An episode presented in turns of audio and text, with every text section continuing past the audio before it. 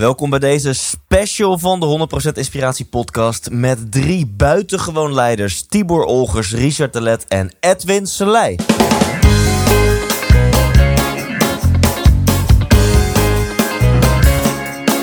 Hey, wat goed dat je luistert. Hij staat weer voor je klaar. Je wekelijkse dosis inspiratie is weer daar.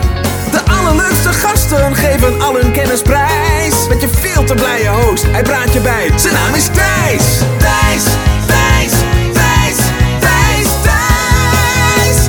100% Thijs. Hi, lieve luisteraar. Welkom bij deze special van de 100% Inspiratie podcast. En eh, van waar dan een special? Nou, ik mag deze aflevering doen die jij zo dadelijk gaat luisteren met Tibor Olgers, Richard Delet en Edwin Selei. En met deze drie vrienden, maar ook collega-sprekers en collega-inspirators mag ik twee keer per jaar het podium delen tijdens het event Buitengewoon Leiderschap. En daar ben ook jij voor uitgenodigd. Dus wil je hierbij zijn, check dan buitengewoonleiderschap.nl.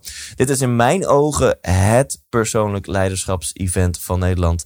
Om uh, onze visie in één zin samen te vatten. Wij zijn ervan overtuigd dat de massa, dat de norm niet al te best is. En dat je daarom maar beter een afwijker kunt zijn. De massa, de norm, heeft niet hele gezonde relaties, heeft niet heel veel energie, uh, hebben niet een hele stabiele emotionele huishouding. De massa geeft misschien wel vaak de schuld aan anderen en hun omgeving. Terwijl wij, ja, waar wij voor staan, is dat jij werkt aan jezelf. Dat jij verantwoordelijkheid neemt. Dat je leiderschap toont in je relaties, in je emotionele huishouding, in je gezondheid, in je werk, in je business. Dus ben je er klaar voor voor de volgende stap? En heb je zin om je te laten begeleiden, je te laten inspireren door deze vier heren? Check dan gewoon even buitengewoonleiderschap.nl. In deze episode wat kan je dan verwachten van deze episode? Gaan wij jouw vraag beantwoorden? Uh, dus misschien krijg je al een soort van sneak preview van Buitengewoon Leiderschap. Welke vragen beantwoorden wij dan? Nou ja, onder andere eentje over, um, ja heren, theorieën over geluk zijn er genoeg. Maar hoe breng je dat nu in de praktijk? Hè? Hoe word je nu echt gelukkiger? We hebben het over wat doe je als vrijgezelle man zonder relatie? Moet je wel of niet op zoek gaan? Uh, iemand stelt een ondernemersvraag. We geven onze drie meest, wat ons betreft, uh, beste en briljante tips als het gaat om het starten van je eigen business. En voor je het weet vliegt deze anderhalf uur voorbij. Dus ik wens je heel veel inspiratie. Ik wens je heel erg veel geluk. Uh, maar vooral heel veel groei en zingeving. En wellicht zie ik je een keer live tijdens Buitengewoon Leiderschap. Enjoy. 100% Thijs. Ja, jongens, we zijn live. Nice. Ja, ik zou zeggen welkom bij de Homst Inspiratie podcast. Maar dit zou zomaar eens ook live kunnen gaan op uh, al jullie kanalen en jullie podcasts uh, en zo. Uh, wie zijn dan die knappe mannen die tegenover mij zitten? Vraagt nu de luisteraar zich af. Nou, dat zijn Edwin Selei, Richard Telet en Tibor Olgers. En voor die paar mensen, lieve knappe mannen, die, die onder een steen hebben geleefd en geen idee hebben wie jullie zijn. Ja, laten we een klassiek met, de, met de klok mee voorstelrondje doen. Ja, Edwin Salai, uh, eigenaar van Hypnose Instituut Nederland. Uh, ook wel uh, de hypnosekoning genoemd. Ja, en ik zie trouwens dat dat echt een handige naam is op Instagram. Want ik heb jullie laatst allemaal genoemd op mijn Instagram. En dan kan ik zien hoeveel mensen op die stickers hebben geklikt. En by far klikken de meeste mensen op hypnosekoning. En dan is dan mijn aanname dat dat is, omdat dat ook gewoon heel erg interessant klinkt. Van nou, even kijken wat dat, dat is het ook. is. Ja. ja. dat is het ook. Niet ja. om mij. Nee, nee, het is, nee, het is de naam. Zo het is, uh, gebleven. Nee, maar het is de naam. Kijk, ja. Edwin Salai, dan denk je, wie is die gast? Maar hypnose kan ik, hè? Wie is die gast? Weet je, en dan word je toch nieuwsgierig. Ja. En dan ga je erop klikken. En ja, of je gaat volgen of niet natuurlijk. Nou ja, je wordt dan meteen gehypnotiseerd. En dan volg je Ook. jou voor de rest van je leven. Uh, dat is wel de bedoeling. Ja. Ja. Ja, ja, En dan doe je alles wat ik zeg. Nou, en naast jou zit Richard. Ja, nou, mijn naam is Richard Delet. Uh, na mijn doctoraal geneeskunde ik me gespecialiseerd in de preventieve leefstijlgeneeskunde. En heb ik het uh, leefstijlplatform Oersterk uh, opgericht. Nou, lekker kort en krachtig. Ik ook. Uh, hoe heet jouw podcast? De Oersterk podcast. Nou alles is oersterk. Alles is oersterk, Top. zeker. En tegenover mij, Tibor. Tibor Olgers, uh, tien jaar bij een uh, speciale politieeenheid gezeten. Daarna uh, Tibor.nl opgericht. En wat wij doen is, wij helpen mensen de dingen te doen waarvan ze al weten dat ze ze moeten doen. Alleen ze doen ze niet. Ja, en lieve luisteraar, kijker, wij met z'n vieren doen ook buitengewoon leiderschap. Eén à twee keer per jaar. Hangt een beetje af van uh, quarantaine of, en corona. Of, corona is of niet. Omstandigheden. Uh, maar daar gaan we het niet over hebben. En laten we gewoon het first erin duiken. Ik, eh, ik skip gewoon de vraag wat wil je worden als je later groot bent. We hebben luisteraarsvragen. Dus ik heb hier, dit is echt professioneel voor de mensen die dit niet zien. Ik heb, ik heb twee A4'tjes met allemaal kijkersvragen van, van Instagram. En Angela die stelt wel meteen een goede vraag. Ik, ik vind het ook wel een hele goede vraag. Ze zegt, jongens, jullie zijn sprekers over inspiratie, geluk en succes. En dat soort dingen. Allemaal heel erg leuk. Hè? Een theorie over geluk, een theorie over liefde. Vind je kernwaarden. Nou, dat iedereen die een zelfhulpboek heeft opengeslagen, die kent dat wel. Ze zegt, nou, dat is allemaal heel logisch. Maar hoe doe je dit nou in de praktijk? Dus nou, met name dan dat stukje vind je kernwaardes. Dat, dat zegt elke goeroe. Maar hoe, laat ik bij jou beginnen Tibor, hoe doe je dat in de praktijk? Ehm, elke dag een klein beetje in plaats van af en toe heel veel. Dus whatever eh, je wil, ehm, maak het klein. En nog een stap daarvoor, zoek die antwoorden in beweging en niet in gedachten. Dus als jij op zoek wil gaan naar je kernwaarden, ga dan niet eh, met pen en papier achter je tafel of achter je bureau zitten en dan heel lang nadenken. Maar ga leven, ga deelnemen aan het leven. En uh, daar ga je antwoorden vinden. En hoe ga je dan deelnemen? Elke dag een klein beetje. Dus of het nou gaat of je een nieuw instrument wil leren, of dat je een business wil opzetten, of je wil weer je hart openstellen nadat je een keertje heel erg gekwetst bent. Um, zoek het leven op, uh, maar doe het met kleine stapjes. Ja, en ik ben wel heel nieuwsgierig wat bij jullie is. Ik ga wel meteen op de stip liggen dan. Ik heb dit een miljoen keer moeten doen op seminars. Bij Tony Robbins, bij Remco Klaassen. En de ene noemt het je kernwaarden, de ander noemt het je kwispelwoorden ik kom heel veel in beweging. Ik weet echt wel heel erg veel over waar ik wel en geen energie van krijg. Maar ik heb niet zo vier, vijf kernwaardes. Dat ik zeg, oh, maar dit zijn vijf woorden. Ik heb ze heel vaak op moeten schrijven bij zo'n seminar. Maar het is mij nooit gelukt om echt zo'n rijtje op te stellen waarvan ik denk, hier schieten de tranen van in mijn ogen en hier word ik elke dag voor wakker, zeg mm. maar. Hoe, hoe, hoe is dat bij jullie? Nou, wat, wat je, wat je kunt doen is de, de testen die het leven je geeft, dus de tegenslagen en de verleidingen, beide zijn testen. Om juist dan die kernwaarden die je hebt opgeschreven, die moet je dan de eerste keer eventjes erbij pakken.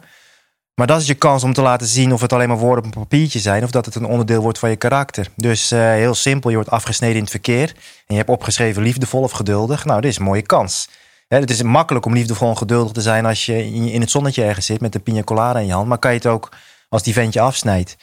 Of je website die klapt eruit. Of uh, iemand wordt verschrikkelijk boos op je. Dat zijn allemaal testen, allemaal kansen om, uh, om te laten zien uh, wie je bent. Dus ga nou eens bewust dat soort momenten. Momenten van tegenslag en momenten van verleiding. Ga die nou eens bewust aangrijpen om je kernwaarden levend te maken. Dat zou ik dan willen zeggen. Ja, dus stel ze op. En of je dat nou gewoon uh, tijdens een seminar buitengewoon leiderschap doet... of gewoon nu terwijl deze podcast ja. luistert. Ja. Maakt niet uit. Schrijf er een paar op. Ja. Of dat nu is connectie, liefde, geduld, uh, aandacht... Uh, nou, seks. seks, verbinding, ja. whatever. Uh, er is geen goed of fout. Het is alleen gewoon jouw lijstje. En ga vervolgens het leven in. En check dan in momenten van verleiding en weerstand... of het jou lukt om, om die waardes nog steeds te leven. Ja. En dan moet je eigenlijk gaan, gaan bijschaven van... hey, passen ze wel echt bij me? Of was het een soort Daar van wishful thinking? Antwoorden. Ja, exact. Ja. Ik, ik, ik, kijk vragend gewoon andere heren aan. Ik ben benieuwd naar jullie uh, visie hierop. Ja, nou, ik... Um... Ik weet mijn uh, lijstje, kan ik zo opnoemen. Ja, graag. Ja, dus uh, dat is liefde, is het belangrijkste. Vrijheid, plezier, groei en verbinding. die vijf. In die volgorde ook? Ja, in die volgorde ook. Dus, dus al zou ik niet meer vrij zijn, niet meer gezond, niet meer groeien kunnen, niet meer verbonden zijn, maar wel liefde voelen, dan heb ik evengoed nog een redelijk nou ja, ik heb natuurlijk gewoon een kutleven, want ik heb die vier waardes niet. Maar dan heb ik nog toch die belangrijkste. Ja. Als ik ze alle vijf niet zou hebben, dan hebben mensen zeggen weer, ja, maar gezondheid is die dan niet belangrijker? En heb ik over na zitten denken. Ik denk, stel je voor, ik lig helemaal, helemaal ziek in mijn bed en weet ik het allemaal. Als ik dan van me gehouden word, als ik me nog steeds verbonden voel, als ik nog steeds het gevoel heb dat ik even goed kan groeien, hè, misschien door iets te doen, te lezen, te horen, te inspireren als ik dan nog steeds toch een soort van plezier nog kan ervaren. Um, uh, en, en, en me verbonden voelen met uh, mensen om me heen. En me vrij ook nog voelen in, in, mijn beslissingen die ik kan doen. Stel je voor, ik kan beslissen, ik wil dood. Hebben we heftige beslissingen natuurlijk. Maar ik kan dat zelf nog beslissen. Maar heb ik nog steeds een goed leven. Ja. Ook, al, ook al ben ik ongezond. Dus voor mij is het zo, mijn waarden veranderen niet. Uh, nooit. Dus, dus toen ik klein was had ik dat al en nu heb ik dat nog steeds. Alleen ik heb ze ontdekt eigenlijk doordat ik ze niet had. Dus, dus, dus zeg maar, ik voelde me niet vrij. En toen dacht ik, waarom voel ik me nou kut? Weet je wel? Wat, wat wordt nou niet vervuld in mijn leven? En dat is een zoektocht. Dan ben ik het helemaal eens met eh, mijn overbuurman. Dat ontdek je alleen maar door te leven. Eh, Door, door, door te ontdekken van... hé, hey, ik ga opeens drugs en drank gebruiken. hey, wat voel ik daarbij? hey, voel ik me vrij? Toen was dat heel onbewust natuurlijk. Maar later achteraf ging ik daarover redeneren. Maar wa- waarom ga je dat doen, joh? Waarom ga je jezelf helemaal eh, de- destructief dingen doen? Ja, omdat het je wat oplevert. In, in dit geval voor mij dus vrijheid, groei, plezier, verbinding. Ja, en dan werd een soort van me gehouden omdat ik toch vrienden had. Dus weet je, dus ik kan het steeds overal opplakken voor mezelf. En dat, dat zal nooit veranderen.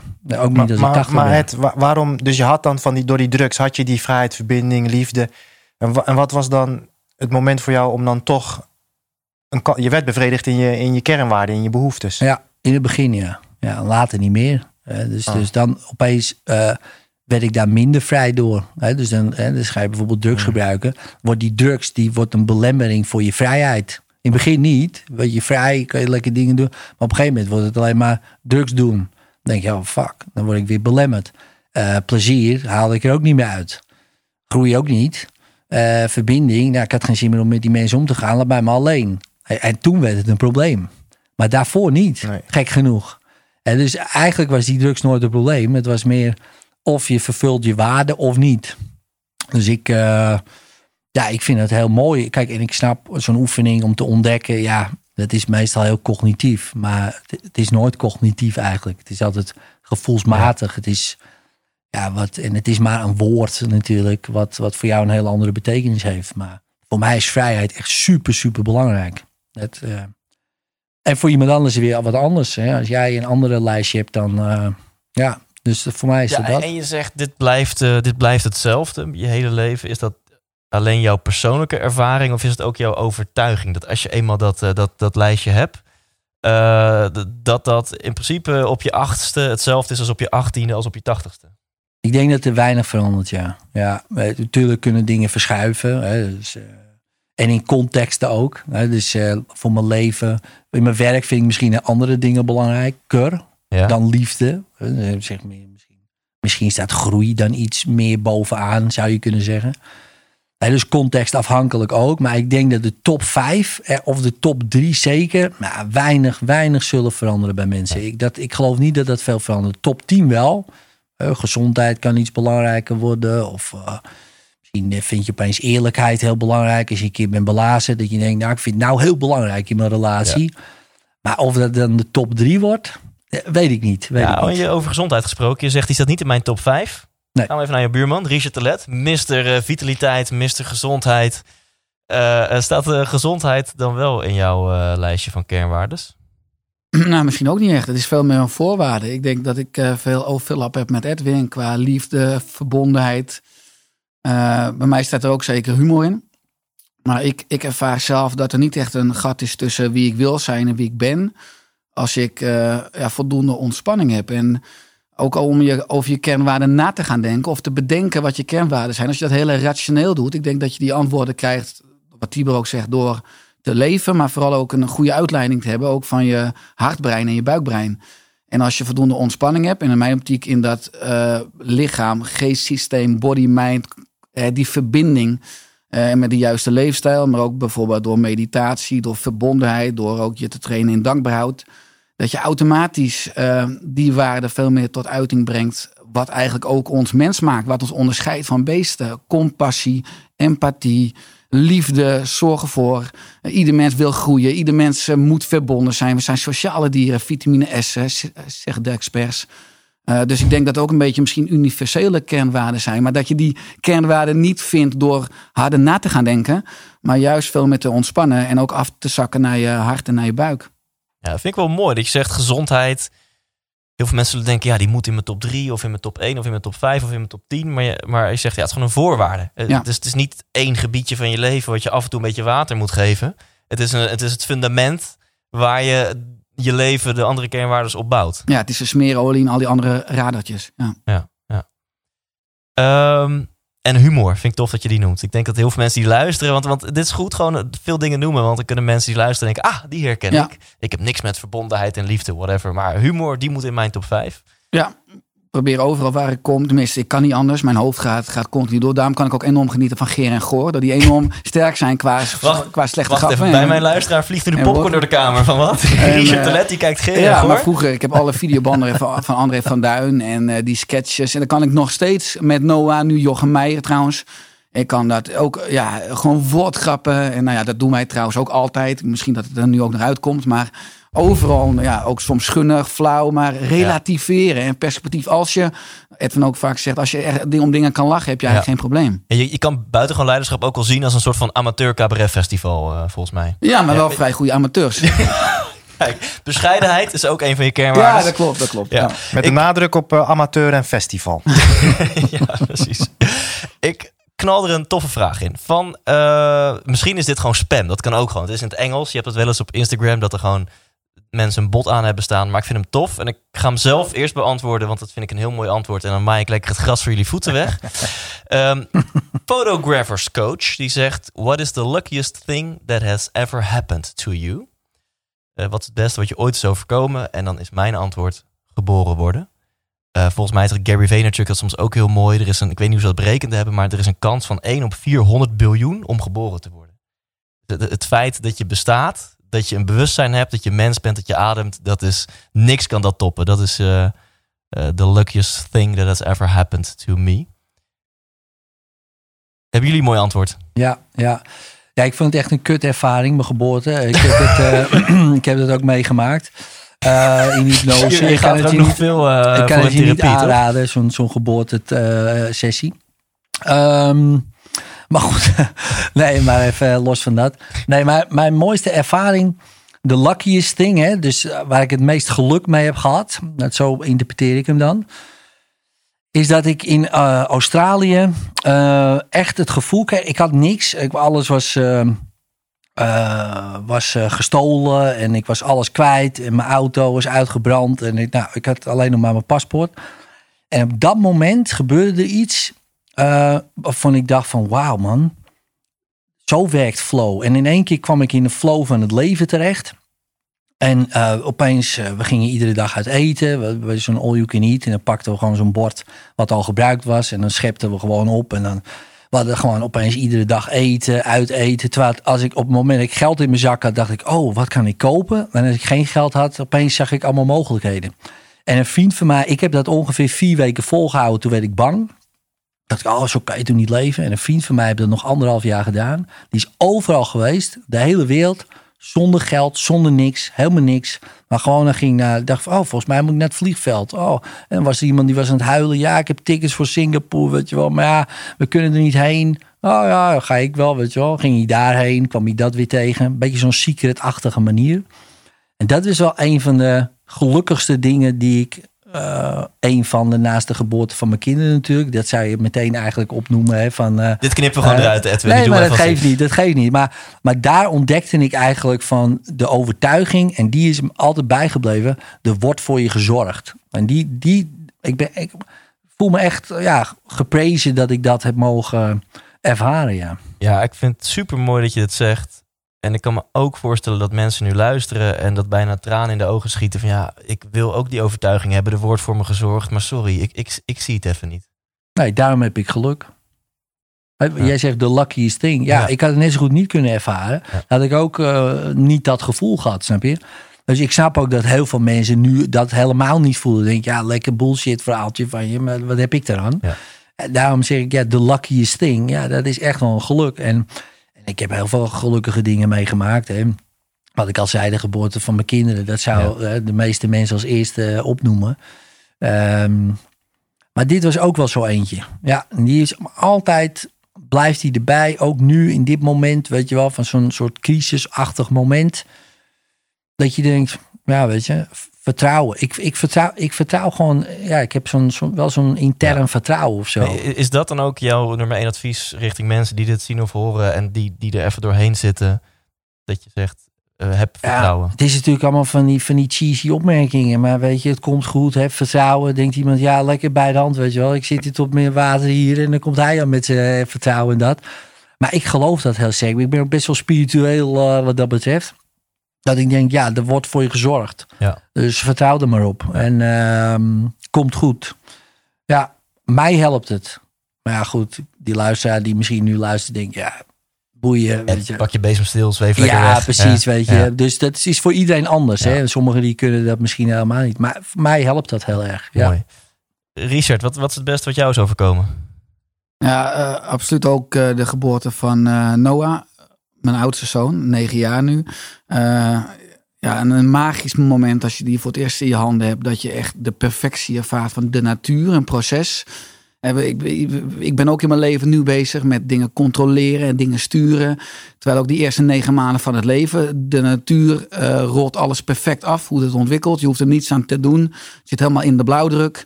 Eh, ook dat je vanuit liefde met mijn vrouw zoiets samen hè, mag creëren. En als je dan letterlijk de werkelijkheid, vorm in je handen hebt. Dat heeft op mij eh, grote indruk gemaakt. En ik ben nog steeds enorm dankbaar dat ik dat van het leven heb mogen krijgen. Ik zie nog steeds dat mijn oudste zoon niet van mij is. Hè. Ik bedoel, die is van het leven. En- En anderzijds ook eh, in 2013 elf dagen als oermens geleefd in de Spaanse Pyreneeën. Eh, ook vooral als fysiek experiment. Op dag 1 en dag 11 bloedprik. Om te kijken wat met mijn lijf deed. Eh, maar echt eh, elf dagen van de bewoonde wereld af. Eh, ja, extreem zwaar. Acht uur eh, per dag lopen. Zelf je eten sprokkelen, verzamelen. Ik was het minst van de groep afgevallen, 3,6 kilo. Eh, ik was al heel sportief. Eh, er waren mensen in de groep die waren 11 kilo afgevallen in 11 dagen. Eh, maar op de laatste dag kwamen we in die Pyreneeën uit weer bij een hotel met een zwembad.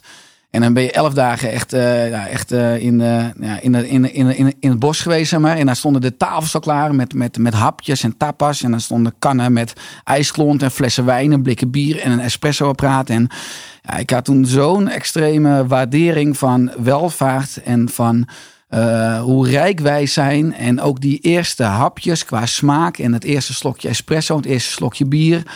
Ik denk nu serieus soms nog over na. Om gewoon een week echt me helemaal terug te trekken in de schaarste. Want het zijn zulke intense, om Janne toch jouw woord ook even te gebruiken. Mooi, mooi. eh, belevingen qua smaak, maar ook qua en een golf qua, van dankbaarheid. Hoe rijk we zijn. Maar omdat we het eigenlijk niet meer zien. We zien nou eerder nog wat er ontbreekt en wat er niet is.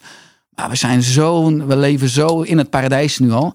En eh, ja, dat heb ik toen echt eh, radicaal ervaren. En ik kan nog ieder mo- moment teruggaan naar hoe ik me toen voelde. Ik heb dat nu ook met, met corona. Nou, deze podcast gaat in het einde der tijden door. Maar deze podcast is opgenomen in de tijden van de quarantaine. Dat ik echt merk van wauw, als ik straks weer mensen mag knuffelen. Hé? Gewoon, ik denk niet eens aan, aan, aan seks of dat soort dingen. Maar gewoon weer even iemand maar Denk jij niet aan seks? Hm? Denk jij niet aan seks?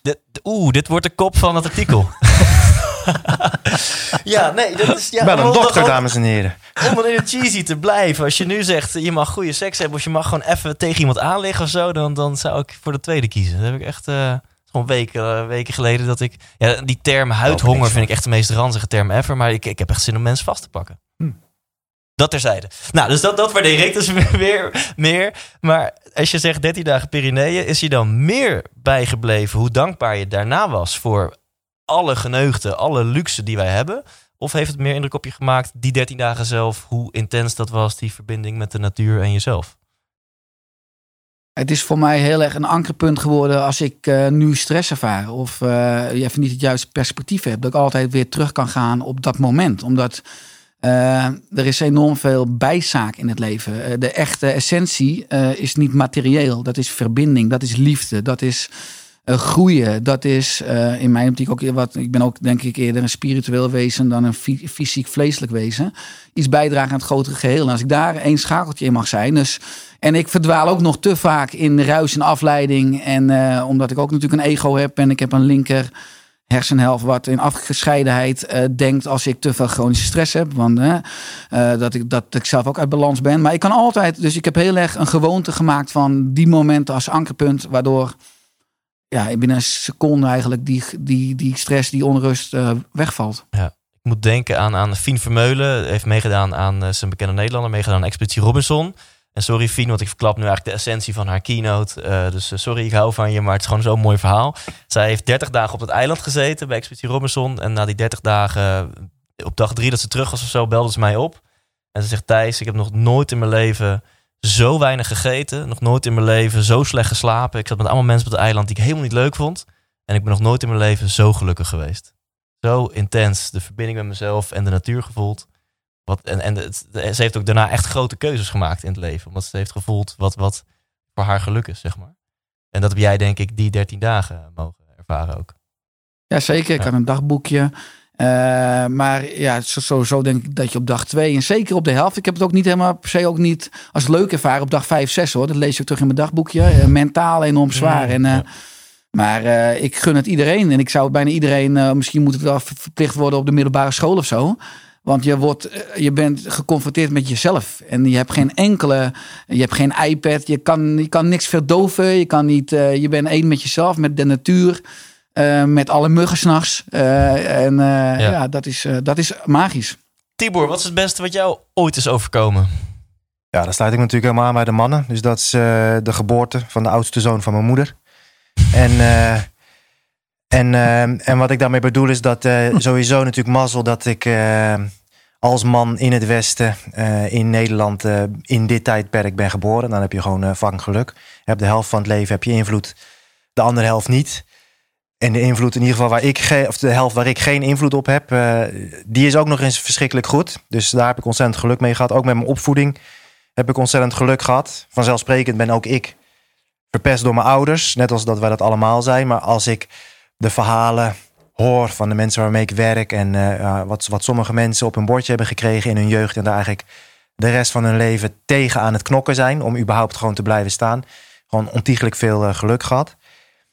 Maar de mooiste momenten in mijn leven... ja, ik, ja, ik zit op één lijn en ik denk dat we daarom ook met z'n vier in deze ruimte zitten zijn eh, momenten van, eh, van kunnen zien, zoals wat Edwin zegt, en van bewustwording, wat, eh, wat Richard zegt. Meestal waren die op momenten van crisis.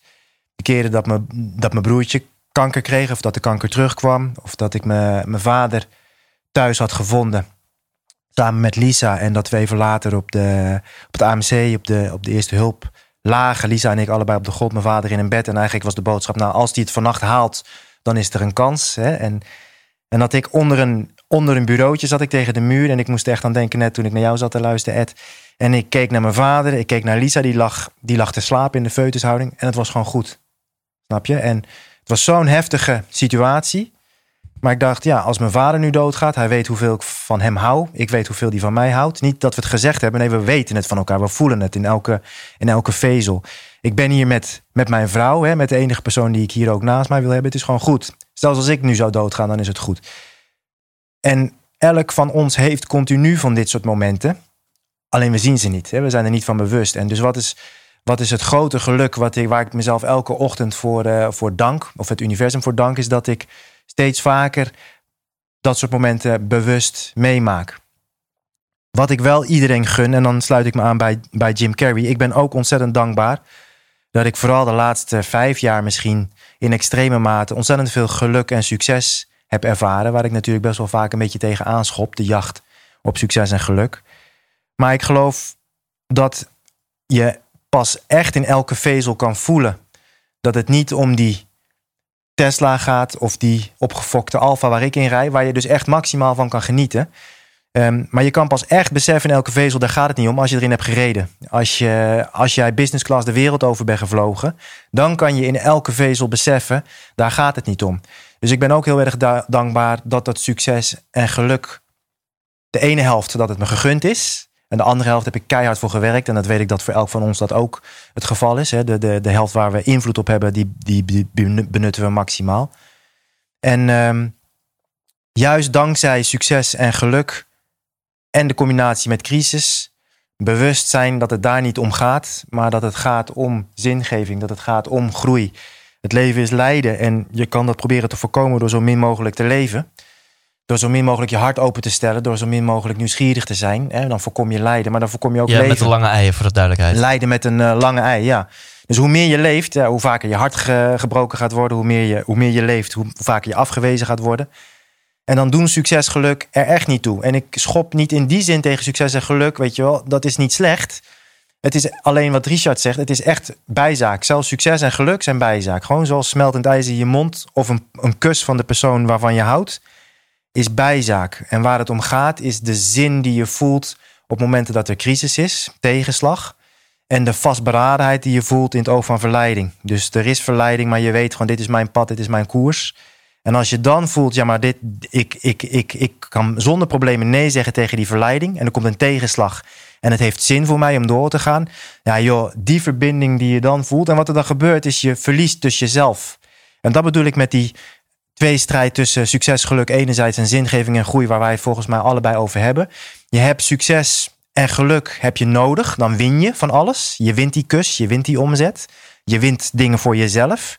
En als je kijkt naar de allermooiste momenten in je leven, dat de heren hun zoon vast hebben voor de eerste keer, of dat je je verliest in de natuur, dan verlies je dus jezelf. Maar om jezelf te kunnen verliezen, moet je dus wel iets hebben om te kunnen verliezen. En daarom denk ik, ik heb geluk dat succes en geluk mij zijn gegund.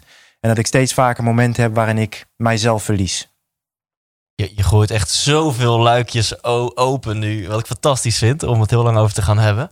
Allereerst die, die quote, Jim Carrey, zei dat nou? Ja, ik gun iedereen eh, rijkdom en succes, zodat ze weten dat het, dat het niet is. Ja, dus volgens mij, eh, eh, ik, ik ken hem in de vorm van ik gun iedereen ook dat je wereldberoemd bent en 50 miljoen op de rekening hebt. Dan- Trio's, alles. en dan zou je realiseren dat het hem ook daar niet in zit. Exact. En waar je mee begon vind ik heel tof. En wij hebben alle vier wel eens een handje van om een mening te hebben over, eh, nou ja, sommige collega's van ons die beweren het leven is volledig maakbaar. Ehm, want nou, de wetenschap heeft eh, meerdere keren aangetoond dat het in elk geval voor 50% genetisch is. Je wordt nu eenmaal geboren met een aanleg voor depressief denken of een aanleg voor positief denken. Ehm, om nog maar te zwijgen over de plek waar je wordt geboren. Hè, de grootste voorspeller van geluk is de plek waar je wordt geboren. Uh, maar wat ik heel mooi vind, ik lees jouw Hemera nieuwsbrief. Als mensen dat niet doen, check dat vooral. Check je op Instagram, dan vind je wel hoe je die Hemera brief kan, uh, kan krijgen thuisgestuurd. En had je het voor mijn gevoel perfect in verwoord van oké, okay, dit is gewoon een feit. En of het nou 45 of 55 procent boeit, boeit niet. Maar laten we dan die andere 50 procent voor de volle 100 procent benutten. Exact. Vond ik perfect uh, geformuleerd van je. nou, je zit helemaal geen vraag in. Dit is gewoon een stukje... een prachtige samenvatting. Dankjewel, dankjewel. Die, die bevestiging die zocht ik uh, even, Tibor. Zoek niet naar geluk en succes, zoek naar zingeving en, en, en groei. Uh, nou, res resoneert dat bij jullie, boys? Ik kijk even de andere twee jongens aan. Want, want sommige luisteraars die zitten nu ja te knikken... en andere luisteraars zullen denken... ja, zoek naar zingeving en groei. Uh, geluk en succes is niks. Uh, die denken misschien, wat wordt hiermee bedoeld?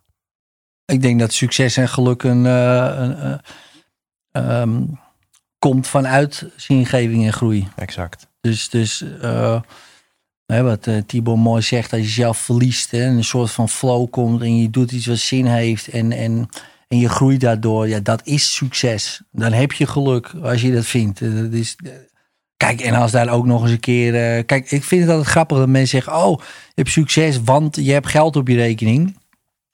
Kijk, succes is nu al, als, als je geld in je broekzak hebt, gewoon en je haalt het eruit, dan heb je al 90 procent hoor je bij de 10% rijkste mensen van de wereld die überhaupt geld in zijn zak hebben. Dus, uh, uh, want 90% heeft dat helemaal niet. Dus, dus eigenlijk zijn, kan je dan zeggen, oké, okay, dan zijn we allemaal succesvol of zo. En ja. hebben we allemaal geluk. Ja. Hè? Wat, uh, het is een soort loterij, zou je kunnen zeggen. Oké, okay, jij wordt daar geboren. Oké, okay, nou heb je dus, je hebt al, iedereen die, die dit luistert en kan verstaan, dus het Nederlands verstaat, dus die heeft al geluk en succes. Dus daar gaat het dus niet om. Dus, dus daar gaat het helemaal dus niet om. Want dat heb je al. Die heb je al in de Ja, pocket. en even geluk in de vorm van mazzel. Ja, geluk niet in de iedereen vorm die Nederlands kan, is gelukkig. Is gelukkig. Ja, en dat komt dan weer uit die zingeving en groei, als je het mij vraagt. Ja, dus je zegt, het resultaat kan zijn dat je je gelukkig voelt. Dat je geluk ervaart. Maar Ja. het middel is eh, eh, Iets wat eh, zin heeft. zingeving en groei. Ja. Je kan je niet focussen op, word gelukkig. Doe nou eens gelukkig. Ja, nee, je ziet ook dat depressieve mensen bijvoorbeeld, hè, even los van de aanleg, eh, eh, dat de oplossing vaak is iets dat zin heeft. En, en dat dat, dat hebben verloren. En, ehm, en het is niet zo eh, kort door de bocht natuurlijk. Het is, eh, oh ja, dus, dus daarom ben ik depressief. Ja, het is wel een, een grote oorzaak. Hè? Naast natuurlijk allerlei misschien defecten in je brein. Waar Richard wat meer van weet. Want volgens mij is maar 2% kan zeggen dat het erg Ah, hij doet hartstikke zijn best, die Richard Edwin. Dat vind ik een beetje jammer dat je hem zo wegzet met zijn brein. Wat? Hij is de Dat beste? hij defecten heeft in zijn brein. Nee, hij is de beste daarin om dat uit te Oh. leggen. Dat bedoel ik als dokter. Kijk, ik ben maar gewoon een bouwvakker die heel veel leest. Iedere dag een boek. Maar verder eh, weet ik ook niet zoveel. Maar wat ik wel weet is dat, ehm, is dat heel veel mensen... ehm, nou ja, doordat ze het afschuiven op bijvoorbeeld genen... of bijvoorbeeld eh, omgeving of bijvoorbeeld omstandigheden... of op een vader of op een moeder... ze eigenlijk missen... Eh, precies dat stukje misschien groei, maar ook de, hun eigen zingeving. Want wat heeft het voor zin om het af te schuiven. Ja. Als dat je zingeving is, nou, dan weet ik al wat het resultaat is. Geen geluk en geen succes. Nou ja, Tibor, jij zei net ook van eh, sommige mensen hebben echt een super traumatische jeugd gehad. En ik heb het geluk dat, dat, dat je zei dat het bij jou minder is en zo. Hmm. Je zou ook kunnen denken, ja, eh, de mensen die, die de grootste tegenslagen hebben meegemaakt, al in de eerste 18 jaar van hun leven, die hebben het best geleerd om weerbaar te zijn. En die hebben al geleerd wie ze zijn. Ja. En een aantal, ik bedoel, de voorbeelden zijn natuurlijk tal van, eh, om eh, Oprah Winfrey om een voorbeeld te noemen, Mhm. zeg maar. Hoe, hoe, hoe denk je daarover? Is het misschien ju- juist een zegen als je trauma Ja, meemaakt? kijk, die, de Oprah Winfrey, Oprah Winfrey verhalen, dat zijn de verhalen die de pers halen, die de Instagram tegeltjes halen. Maar voor elke Oprah Winfrey zijn er natuurlijk 1 miljoen mensen die Ja. misbruikt, eh, mishandeld, whatever zijn, die niet op Instagram komen, omdat het geen prachtig verhaal is. En wat ik, wat ik tien jaar geleden inderdaad geloofde, eh, hè, eh, toen stond ik ook vooraan te springen bij Tony, is inderdaad het leven is maakbaar. Nou, inmiddels heb ik genoeg mensen ontmoet waarvan je gewoon ziet, de liefde is er, het hart is er. Alleen die zijn zo, die hebben zoveel, zo'n naar programma geïnstalleerd gekregen in hun jeugd. Die 50% waar ze geen invloed hebben. Die is zo goed, daar kan je wel een mooi verhaal van maken. Van eh geloof in jezelf en werk eraan of whatever. Eh, het lukt gewoon niet. Weet je wel? En, en, en, ik, en juist die eerlijkheid. Dat, het voor, dat sommige mensen zoveel ellende hebben gekregen. Dat ehm, dat, dat prachtige plaatje er gewoon niet in zit. Ja, ik, ja, ik, ik denk dat het juist voor een stuk ontspanning zorgt. Waar Richard het eerder ook al over eh, had. Ehm, die echt noodzakelijk is. Want als je en zo'n programma hebt. en je voldoet niet aan de. ik ben niet 365 dagen gelukkig en succesvol. ben je eigenlijk dubbel, dubbel genaaid. En laten we eerlijk zijn, ik geloof niet dat alles kan. Weet je wel? Bijna alles kan, ontzettend veel kan, maar niet alles. En eh, dat omarmen eh, maakt vrij. En wat ik ook belangrijk vind wel om te benoemen is succes en geluk is niet slecht. Nogmaals, eh, weet je wel, het zijn alleen bijproducten van zingeving en groei. En uiteindelijk moet het je gaan om zingeving en groei. Dames en heren, Tibor zei zojuist, hij denkt niet dat alles kan. Correct. Ja, Even voor de mensen die het niet weten, jouw, jouw lijfspreuk is zo'n beetje alles kan, alles heeft een prijs. ja. ja bijna alles kan. Dat stond minder mooi op het, eh, op het t-shirt. Ja, op het Ja. dekbed over De terug. zaakjes zo, bijna. Nee, maar dat is gewoon een hele gevaarlijke leugen om te geloven dat alles kan. En, en, dat zeg, en, en, en wij houden heel erg van lieve leugens, ook in onze vriendschap en naar elkaar toe en ondernemers onderling. Ja, joh, doen gewoon. Ja. Dat er zijn zoveel ondernemers nu aan het ondernemen, nou, minstens 80% die dat bijvoorbeeld gewoon niet moeten doen. Weet je Ja. wel? En dan een, een echt goede vriend zou dat tegen diegene moeten zeggen: nee, jij kan dit niet. Ga. Ja. Maar ja, dat gaat natuurlijk in tegen het positiviteits eh, mantra. Ja. Nou, cliffhanger voor de luisteraar, want een van de vragen die ik zo aan jullie wil gaan stellen is: wat is je beste tip voor beginnende ondernemers? Eh, ik wil zo meteen ook nog Top even. ermee. Doe het niet, het is het niet waard. Ehm, en ik wil ook jullie de vraag stellen: hoe leef je nou 100% fucking jij? Hè? Eh, dus dat is een cliffhanger voor jullie en voor de luisteraar. Maar je, je gaf al een, een klein voorzetje naar je buurman Richard. En je zei al het over ontspanning. En eh, de vraag die ik wil gaan stellen is denk ik relevant voor, voor mezelf, maar voor heel veel mensen die luisteren. Als je dit hoort, of het nu via de 100% Inspiratie podcast of voor de Oersterk podcast of whatever podcast eh, of kanaal is, ben je waarschijnlijk wel een achiever. Of ben je echt actief bezig met groeien, met zelfontwikkeling. En sommige mensen zijn daar die dit horen te veel mee bezig. En bij mezelf merk ik ook wel eens dat ik op het moment dat ik inzie van wacht even Thijs, misschien moet je gewoon even loslaten en even accepteren wat is. En, en zet eens keihard je favoriete punkliedje aan. Ga weer eens even skateboarden. Weet je, laat even. Doe gewoon weer eens even de, de, de speelse vrije Thijs. En dan heb je nog steeds al je shit en problemen en alles. En je overvolle mailbox of whatever. En dan merk ik gewoon dat dat precies was wat ik nodig had. Dat ik gewoon te krampachtig bezig was met persoonlijke groei. En dan kan het soms een averechts effect hebben. Dat je gewoon groeimoe of seminarmoe bent. Ehm, en Richard, bij jou heb ik wel eens een test gedaan. En dan kon je ook zien van nou Thijs, het gaat gewoon helemaal goed met je. Je hebt alleen een beetje eh, tekort aan diepe ontspanning. En daarmee ook diepe nachtrust. Kun je, heel lange introductie, maar kun je de luisteraar die dit herkent... eh, iets wat concreet, want mensen houden toch, toch van quick fixes en concrete tips. Kun je ze wat concreets meegeven hoe ze meer de ontspanning kunnen vinden in hun leven? Nou ja, daar heb ik eigenlijk een online programma voor voor 100 euro. Dus om dat nou hier het antwoord te geven. Nou, maar die, die vat jij nu gewoon even samen voor de luisteraar. Nee, gekkigheid. Ja.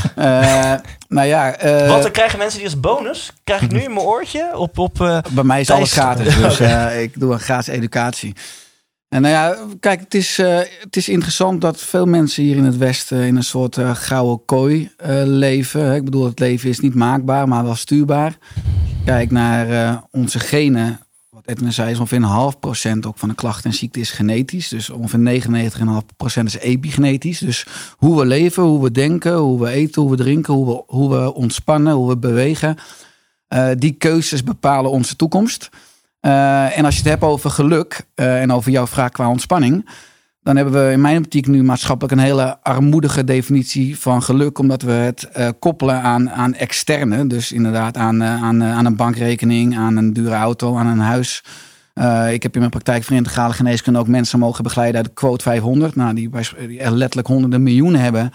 Maar eigenlijk eh, in de jacht naar dat succes hun geluk en gezondheid ingeruild hebben. En dat ze de verkeerde ruilhandel. En die hadden dan op dat punt alles weer voor, voorover om dat weer terug te kopen. Dat kan helaas niet. Uh, maar als je kijkt naar ons ontwerp, dan zijn we als mens evolutionair ontworpen in de groep. Dat zie je ook in oervolkeren in de tribe. We zijn groepsdieren. Ook als je kijkt met huid-huid-contact, wat we nu dan even niet kunnen doen. Dat is een, een hersengroeihormoon, wat we ook via onze huid uitwisselen. We horen verbonden te zijn, we horen huidcontact hebben. Dat, is, dat leidt tot diepe ontspanning. Ook tot het aanzetten van het zenuwstelsel dat herstelt, opbouwt. Uh, dat voor genezing zorgt. Hè? Uh, we horen ook in de natuur regelmatig te bevinden. Als we in de natuur lopen, ook als we even druk zijn, maar gewoon even een wandeling gaan maken in de natuur. Dan komen die etherische oliën, die bomen, die bladeren komen al binnen. Of we, of ons nou bewust zijn of niet. En dat heb op heel veel hersengebieden al diepe, diepe ontspanning. En wat je eigenlijk ziet is dat je een betere doorbloeding krijgt van de linker en rechts en hersenhelft. En als je te druk bent, als je te streberig bent, als je dus eigenlijk als een hond te hard achter je eigen staart aanrent, dan dat is net, uh, ja, hoe meer je je best doet, hoe meer het uit je handen glipt. Omdat je eigenlijk een dominant uh, linkerbrein hebt. Het is alsof je naar de sportschool gaat en alleen je linker biceps traint. En de meeste mensen hebben daar een enorme spierbal en het rechte armpje bungelt er een beetje bij. En dat is ook zoals, dus om het praktisch te maken, als we zorgen voor verbondenheid, als je veel met mensen ombrengt waar je energie van krijgt, als je regelmatig de natuur ingaat, als je dagelijks mediteert, als je chronische stress vermijdt. Hè, dus al die, die dingen die niet bij je passen. En eigenlijk is in mijn optiek succes, uh, zie je terug op je vitaliteitsrekening. dat geeft je lichaam gewoon aan als je voldoende energie hebt, als je fris en helder uit bed springt, als je lekker in je vel zit, als je een goed libido hebt, als je goede slaap hebt, als je goede stoelgang hebt, goede play, geen plakpoep, je hoeft je billen in principe niet af te vegen, die broek kan, kan gewoon weer omhoog. Uh, een goede buikomvang, die sleutelfuncties, dat is succes. Dat antwoord geeft je lichaam. Uh, en, dat, en dat is gewoon het andere eindafrekening van je gedrag, van je leefstijl. De, de, de dagen of de weken ervoor. Dus mediteer. Uh, zorg voor, in mijn optiek, voor een zes uur werkdag. Hè? Dat je veel meer de essentie overhoudt. En, en stop met alle ruis en afleiding. En, maar de meeste mensen die hebben geen overzicht, hebben geen focus, werken te hard, werken te veel hebben een dominant linkerbrein. En daarmee uh, verzanden ze in de, continu in de urgente dingen. Zien ze niet meer, zijn ze ook niet meer in staat om helder te hebben wat belangrijk is. En dat is dus ah, die hond die achter zijn eigen staart aanrent. En dat is een beetje de grap, het hamsterwiel van het moderne leven. En dat is een evolutionaire erfenis. Dat is een zwaard die altijd in de evolutie zeg maar, van ons afstond. En die nu naar ons toe staat en waar de moderne mens in loopt. En uh, dus een lang antwoord, maar gewoon eh, keep it simple. Verbind je met de juiste mensen. Ga minder hard werken. Kies, doe minder en doe, en doe beter. Mediteer dagelijks. Uh, zorg dagelijks voor een koude douche. Als je stress hebt, ga drie keer uh, een diepe buikademhaling doen. Dan zie je al uh, dat de nervus vagus, uh, ook je diafragma en het middenrif uitzet. Zorg gelijk voor meer mentale helderheid.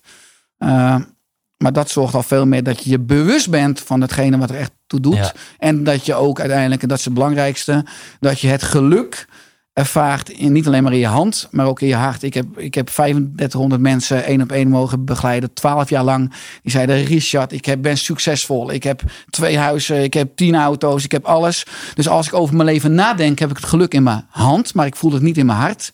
Ja, en die liepen dus eigenlijk in die valkuil. En als je gewoon je leven kleiner maakt, minder beter doet, voldoende ontspanning in je agenda inplant, daar gewoon trouw aan bent, dan zorg je voor ook weer die endorfines. Want de meeste mensen die leven op basis van dopamine, koffie, eh, swijpen, eh, spelletjes, seks. Al die dopamine shotjes die per half uur weer uitdoven. Maar de echt duurzaam geluk nu voelen in iedere cel, maar alles is nu aanwezig, is endorfines. Ja.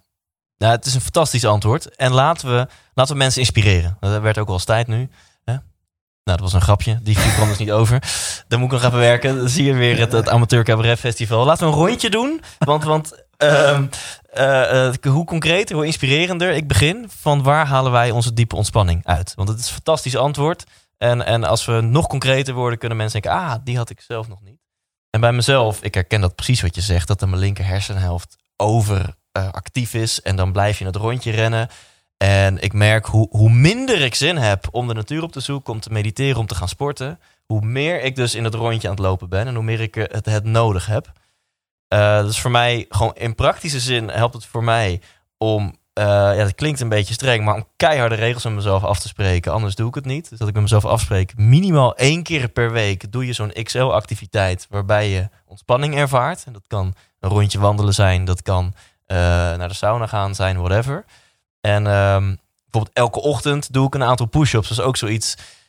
Als ik dat niet als een keiharde regel voor mezelf inbouw, van no questions asked. Gewoon geen, geen onderhandeling mogelijk, geen discussie mogelijk. Dan is het veel makkelijker om het te doen. Want ik ben fucking goed in elke ochtend de perfecte argumenten te bedenken. Waarmee ik elke rechtszaak zou winnen. Waarom ik deze ochtend niet die push-ups of die koude moet doen. Dus dat is even een, een praktische tip die ik luisteraars mee wil geven. Van ja, in mijn ogen mag je soms best streng voor jezelf zijn op de juiste gebieden. Dat je gewoon zegt geen uitzonderingen, geen discussie. Elke dag doe ik dit of één keer per week doe ik dit. Wat voor mij dan de activiteiten zijn waarbij ik het meest ontspan. Eén is de sauna. Dat kan nu helaas even niet, maar in mijn sportschool is een sauna. Na elke sportsessie duik ik een kwartiertje die sauna in. Je hebt geen kleding, je hebt geen telefoon, je hebt geen scherm, je hebt geen prikkels. Ik zit er vaak ook in mijn uppie. En uh, als ik in mijn eentje op een bankje in het park ga zitten, dan verveel ik me. En als ik in die sauna zit, nou echt, dan hijg ik nog na van de laatste oefening. En echt binnen drie, vier minuten komt zo'n diepe ontspanning. Heb ik inzichten voor mijn leven, voor mijn business. Ben ik happy, zit ik fluitend in mijn auto, daarna terug naar huis. Uh, nou kan je denken, Thijs is heel voorwaardelijk. Want als je dan geen sauna hebt, hoe ontspan je dan? Wat voor mij een andere ontspannende activiteit is, is uh, mediteren. Iets waar ik, wat ik van tevoren altijd haat. En dit herkennen denk ik veel mensen. Dus ik zeg je bewust van tevoren denk ik altijd... Nou, als ik ergens geen zin in heb, is dan mediteren. En als ik het eenmaal doe, dan denk ik... Ach, dit was echt het beste wat ik, uh, wat kon doen. Nou, laat ik er nog eentje noemen. Dan gaan we naar jou, Ed. Uh, um, voor mij is speelsheid, humor heel belangrijk. Dus als ik gewoon even mijn favoriete punkbeentje Sum 41 opzet en achter mijn drumkit ga zitten, dat is voor mij uh, ook ultieme ontspanning en, en uitlaatklep. Dus ik, hoop dat hier dus voor, voor de luisteraar-kijker iets, uh, iets tussen zit. Waar, waar, waar, laat jij van op, Ed? Ja, nou ja, je hebt al heel veel genoemd.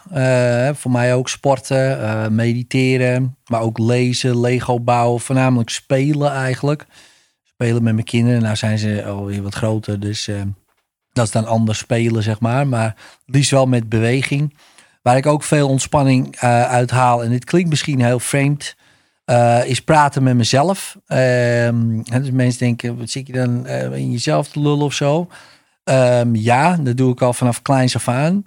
Ik heb het gevoel, wat ik al zei, er wordt voor je gezorgd. Dus ik, ik heb gewoon een stem waarmee ik kan overleggen soms heb je gewoon advies nodig van een expert. Dus, dus dan, ja, dan, dan ga je toch uh, in overleg met jezelf. um, en, daarna, en, dan word ik... en dan lees je ook je eigen boeken elke avond voor slapen gaan? Uh, nee, nee, want dat kan ik gewoon vragen natuurlijk. Ja, ja, ja. Dus, want ik, kijk, wat ik al zei, ik ben best wel spiritueel. Dus ik geloof ook wel hè, in een onbewuste, maar ook in een hoger bewuste, een hogere zelf die waarmee je kan connecten. En uh, ja, daar word ik heel ontspannen van. Uh, dus daar krijg ik heel. Het klinkt misschien gek voor sommige mensen. Denk van, nou, die gast die spoort ook niet. Maar uh, ik word daar heel ontspannen van. Dus, dus dan sta ik onder de douche. Meestal. en dan begin ik, jezus, wat moet ik nou doen? En dan ben ik gewoon aan het luisteren. En ik kijk gewoon hele goede Wat moet tips. ik nou doen onder de douche? Ja, precies. luisteren naar jezelf, weet je wel. En dan krijg je goede tips.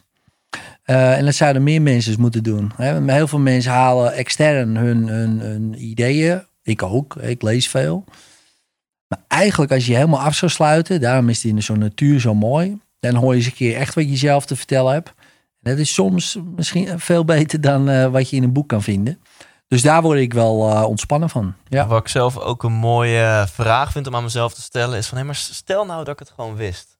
Wat, welk advies zou ik mezelf ja. dan, dan eigenlijk geven? Ja. En krijg je dan antwoord? Ja, eigenlijk altijd wel. Ja, precies. Ik, al zou ik ja. nu mezelf vragen, Thijs, wat, wat is nou het nummer één ding waar jij je nu eigenlijk meer op moet focussen en minder in het leven? Of wat ja. is het nummer één ding wat jij kan aanpassen om meer geluk te ervaren? Dan, dan komt er heel vaak vanuit mijn onderbewuste zo, pff, ja. ongecensureerd, komt het uit. Ja, precies. Ja. Dus eh, ja, en ik word daar heel ontspannen van. Ja, je kan natuurlijk ook, hè, wat natuurlijk ook heel goed werkt, als je dat wat moeilijker vindt, eh, is journalen. Hè, dus schrijven. En dan komt dat er ook uit, eigenlijk, zo'n antwoord. En voor de wetenschappers die eh, luisteren, of de luisteraars die wat meer hebben met wetenschap dan met misschien het spirituele, Mhm. dat is ook gewoon aangetoond in geluksonderzoeken. eh, dat als je elke avond journalt, dat je na 30 dagen aantoonbaar meer geluk ervaart. Nou, interessant. Ja, ja mooi. Ja, is dat. Richard, Mr. Ontspanning himself, waar haal jij eh, zelf als persoon ontspanning uit?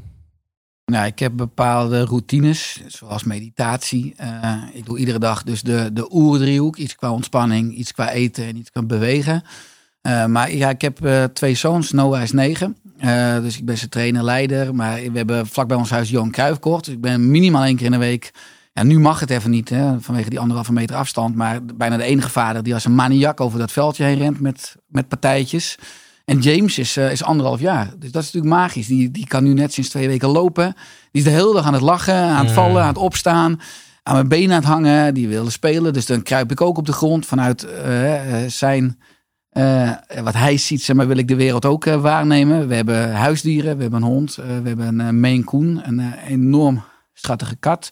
Die ook ja, altijd bij je ligt en gaat, gaat knorren. En dat ontspant ook enorm. Ik heb een grote tuin. En ja, dus ik ben dagelijks ook buiten. En verder eh, door die kinderen, ook omdat James af en toe uh, ja, s'nachts spookt, uh, is het ook een soort veiligheidspal dat ik veel zuiniger ben op mijn energiemanagement en hoe ik mijn agenda inricht. En ik heb veel minder lunchafspraken en ja, de hele wereld wil wat met je doen en projecten. Dus ik zeg bijna tegen alles nee. Tegen heel weinig dingen ja. En dat zorgt ook dat ik veel beter in balans ben. Maar ook met mijn vrouw iedere dag samen een kop thee drinken. We kijken nu bijvoorbeeld iedere avond een aflevering uh, Sluipschutters. Nou, dat is een beetje slechte humor. Iedere avond als, uh, als Noah dan op bed ligt. En uh, ja, dat zijn wel van die rituelen die je ontspannen en waardoor je ook verbindt. En uh, ja, dat Ja. werkt. Ja, cool. En jij, Tibor? Ons, ontspan jij wel eens, Tibor, eigenlijk? Heel veel. En ik vind het super mooi om, uh, om weer naar Ed en naar uh, Ries te luisteren. Want wat je, wat je dan weer terug hoort is dat hè, ontspanning is eigenlijk vrijheid van druk. Dat is, uh, dat is ontspanning. En uh, echte vrijheid is altijd het gevolg van uh, zelfgekozen beperkingen. En dat hoor je ook weer terug in de antwoorden van, uh, nou ja, van jullie alle drie. Kijk, ja, ontspanning, de Chinezen hebben een heel mooi begrip, ma en ma. En dat is de leegte die dat wat overblijft waarde geeft. Dus als je een huis inricht en je zou er 500 vazen en schilderijen en foto's en mooie stoelen in rammen in je, in je woonkamer. Oftewel, er is geen ma, er is geen leegte. En dan is het één grote bende, weet je wel. Maar als je een mooie ruimte is, zet er één prachtige vaas of één prachtige foto, uh, die zet je daar neer. Al die ma daaromheen, al die leegte daaromheen, die zorgt ervoor dat die vaas, die foto of dat ene item waarde krijgt. En wij hebben chronisch tekort aan ma in ons leven. Zodra we bij de, bij de kassa even moeten wachten, 30 seconden, dan, dan slaan we dat gaatje ma slaan we dood met onze telefoon. Hè? Dan gaan we, gaan we scrollen. En we slaan ook, want dat was de basis van jouw vraag. We slaan ma kapot, omdat we altijd alles moeten maximaliseren en optimaliseren. We moeten productiviteitshacks en we moeten zo snel mogelijk jagen op, uh, op dat succes en geluk. Dus vrijheid is gevolg van zelfgekozen beperkingen. Wat je de mannen hoort zeggen, plan in je agenda net zo hard je ma in als, en dat bedoel ik niet je moeder, uh, hoewel het misschien ook een belangrijk onderdeel is. Zijn. Ja, Ja. ja. Maar plan net zo hard je ma in als dat je die, die, die calls inplant of die, uh, hè, en die, die vergaderingen en, en die zakelijke Ja. afspraken enzovoort. Dus plan die ma in. Dus dat, en wat dan die ma is, we hebben alles gehoord. Ik moet van mijn mentor Ilko Smit gewoon een kop thee zetten meerdere keren per dag. En dan uh, ga, is mijn activiteit is die thee opdrinken. En dus niet met een audioboek, Ja. niet met een, met, met een boek erbij, niet gewoon thee drinken, Ja. punt. En voor de rest zeker weten de natuur en eh, maar gewoon leegte, mediteren, sauna, whatever het is voor jou. Maar ik kan er toch niet aan ontkomen, Thijs, dat dat symptoombestrijding is. Nuttige symptoombestrijding, hè, ma inplannen. Je zal altijd druk ervaren als je doet wat de massa doet, namelijk het leven benaderen als een hardloopwedstrijd. En dat als je maar goed genoeg traint, en als je maar vroeg genoeg opstaat en je eet maar de juiste voeding en je, en je ontspant dus op de juiste manier, je, je optimaliseert alles, dat er dan een finish is waar je als eerste aan kan komen. En dat er dan, dan, oh, dan ben je er, weet je wel? Dat er dus een punt is waar je Ja. kunt zijn. Van succes en geluk. En als jij dus het leven benadert als een hardloopwedstrijd, hè, dat hamsterwieltje wat ook al een paar keer is genoemd, dan ben je dus altijd aan het rennen. En als je altijd aan het rennen bent, zijn er twee dingen. eh één, als je aan het rennen bent, kan je niet zo goed zien wat er voor je is. Want alles beweegt heel snel. En twee, je bent dus altijd onderweg. Of dus je bent er juist nooit. En de waarheid is denk ik dat eh, je hoort het praten ook over spelen. Kijk, wij zijn altijd, hebben het over werk en, en doorzetten en doorpakken. Terwijl als je kijkt bijvoorbeeld, ik ben nou begonnen met, eh, met piano spelen. Als je kijkt naar een muziekinstrument, hè, jij drumt, je, je bespeelt een instrument. En hoe komt het nou dat we, of je speelt voetbal, hè? dat al het sport en spel en muziek, eigenlijk de momenten waarin we juist ons vaak verliezen in het leven, in positieve zin bedoel ik dat, dus dat we één worden, dan zijn we aan het spelen. Dus ik denk ook dat het leven, dat je dat niet moet zien als een hardloopwedstrijd, maar als een muziekstuk, waarop jij kan dansen. En bij een hardloopwedstrijd ben je dus onderweg naar een finish, dus je bent altijd onderweg. Terwijl je snapt natuurlijk ook wel dat als je aan het dansen bent, dat het heel stom is om naar het einde, zo snel mogelijk naar het einde van die dans toe te werken. Ja. Of zoiets. Of naar het einde van de, van de zaal. Nee, het is, het is nu. En er zit zeker weten een einde aan die dans. En dat is wanneer jouw muziek stopt. Eh, en, en ook dat bewustzijn van de dood zorgt in mijn geval voor ontspanning. Dus ik denk, ja, plan ma in je leven. Maar de grootste eh, bron van ontspanning is het leven niet meer benaderen als een hardloopwedstrijd, maar als een dans op de muziek van het, eh, die het leven je geeft. En soms is die muziek ontzettend treurig. Maar als je kijkt naar de mooiste muziekstukken, de mooiste dansen die je ooit hebt gezien, dan is dat juist op, eh, op treurige muziek. Ja, het is zo'n cliché, maar zo waar. Het enige wat je hebt is het nu. Ja, Het enige wat wij hebben is dat we hier nu in Amersfoort in dit eh, onder een systeemplafond zitten. Met z'n vieren op eh, netjes anderhalf meter afstand. op een fitnessbankje. op een fitnessbankje. En straks heb je wat dan nu is. En het als dannen, ja, dat horen wij denk ik alle vier eh, vaak van onze, van onze klanten of volgers of, eh, of fans of whatever. Vragen van ja, straks als die verbouwing is afgerond, ah, weet je, dan gaat het weer lekker. Of je hoort het van vrienden, hoor je het anders wel. Of straks als de kids weer naar school gaan. Als, straks, als straks vakantie is. Eh, als de deal met het huis rond is. Als, ehm, nou, whatever. En dan ben je aan het als dannen. Hm. Eh, of op financieel gebied. Hè. Als we straks wel die omzet halen, dan, dan ga ik echt... Exact. eh, En dan kan je- dan als kan je- straks de theaters uitverkocht zijn. Ik noem maar zomaar een voorbeeld. Nee, dan ga ik echt eh, geluk ervaren. Ja, En, en dan kan je mediteren en, en, en, in een en, en, en 24 uur in een sauna gaan zitten, maar je zal de druk blijven ervaren. Ja. Daarom is het zo belangrijk om, om dus uit dat hamsterwieltje te stappen en het leven te zien voor wat het Ja. is.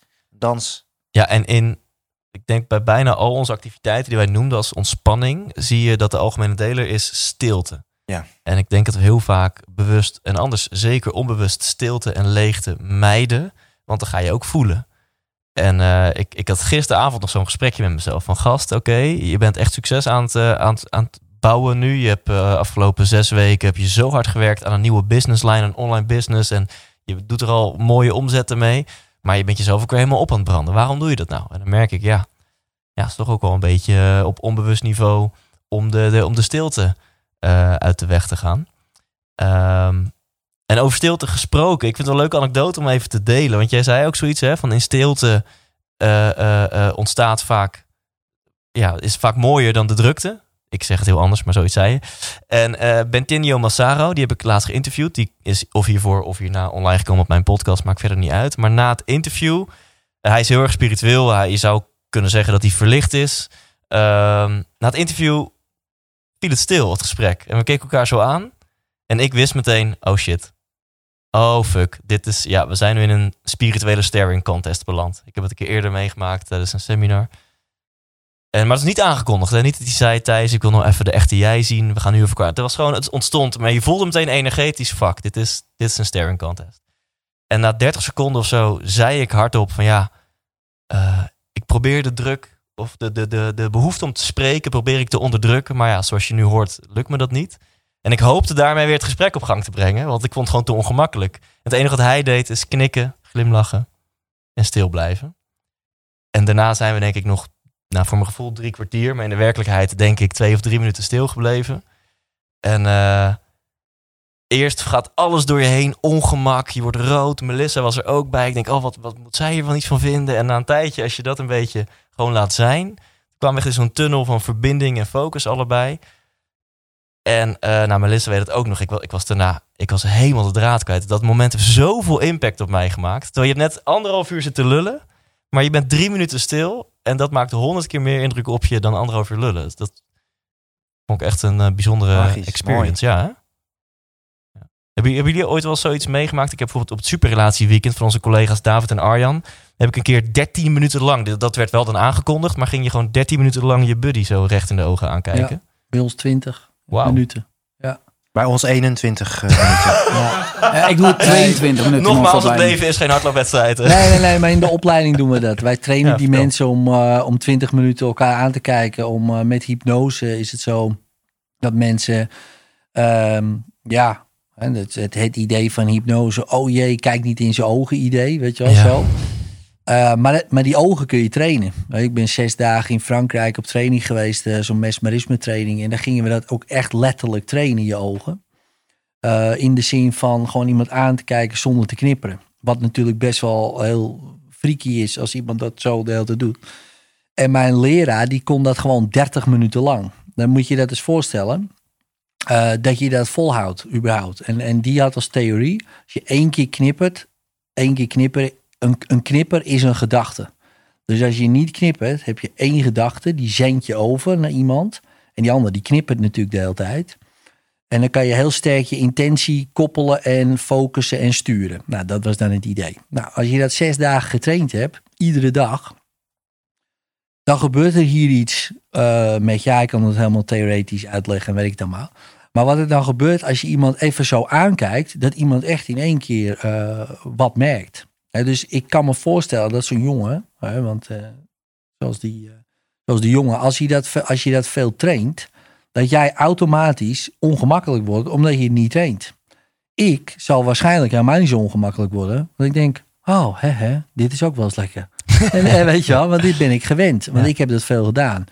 En ik denk dat, dat, dat we dat ook een beetje misschien wel verleerd zijn. Want, ik- want kinderen in principe, ja, die kunnen je de hele tijd zo aankijken en aanstaren. En dat je ook ongemakkelijk wordt. Denk wat zit hij nou te kijken van het andere tafeltje, weet je wel?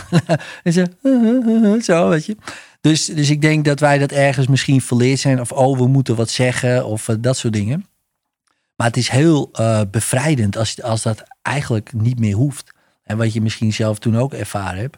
En ik, ik vind dat zelf ook wel bevrijdend als je op een gegeven moment ergens een, een soort van contact kan maken. Door gewoon iemand zo aan te kijken. En opeens te voelen van wauw, eh, wij zijn eigenlijk eh, hetzelfde of zo. Of, of, weet je, of in ieder geval maken we hetzelfde mee, laat ik het zo zeggen.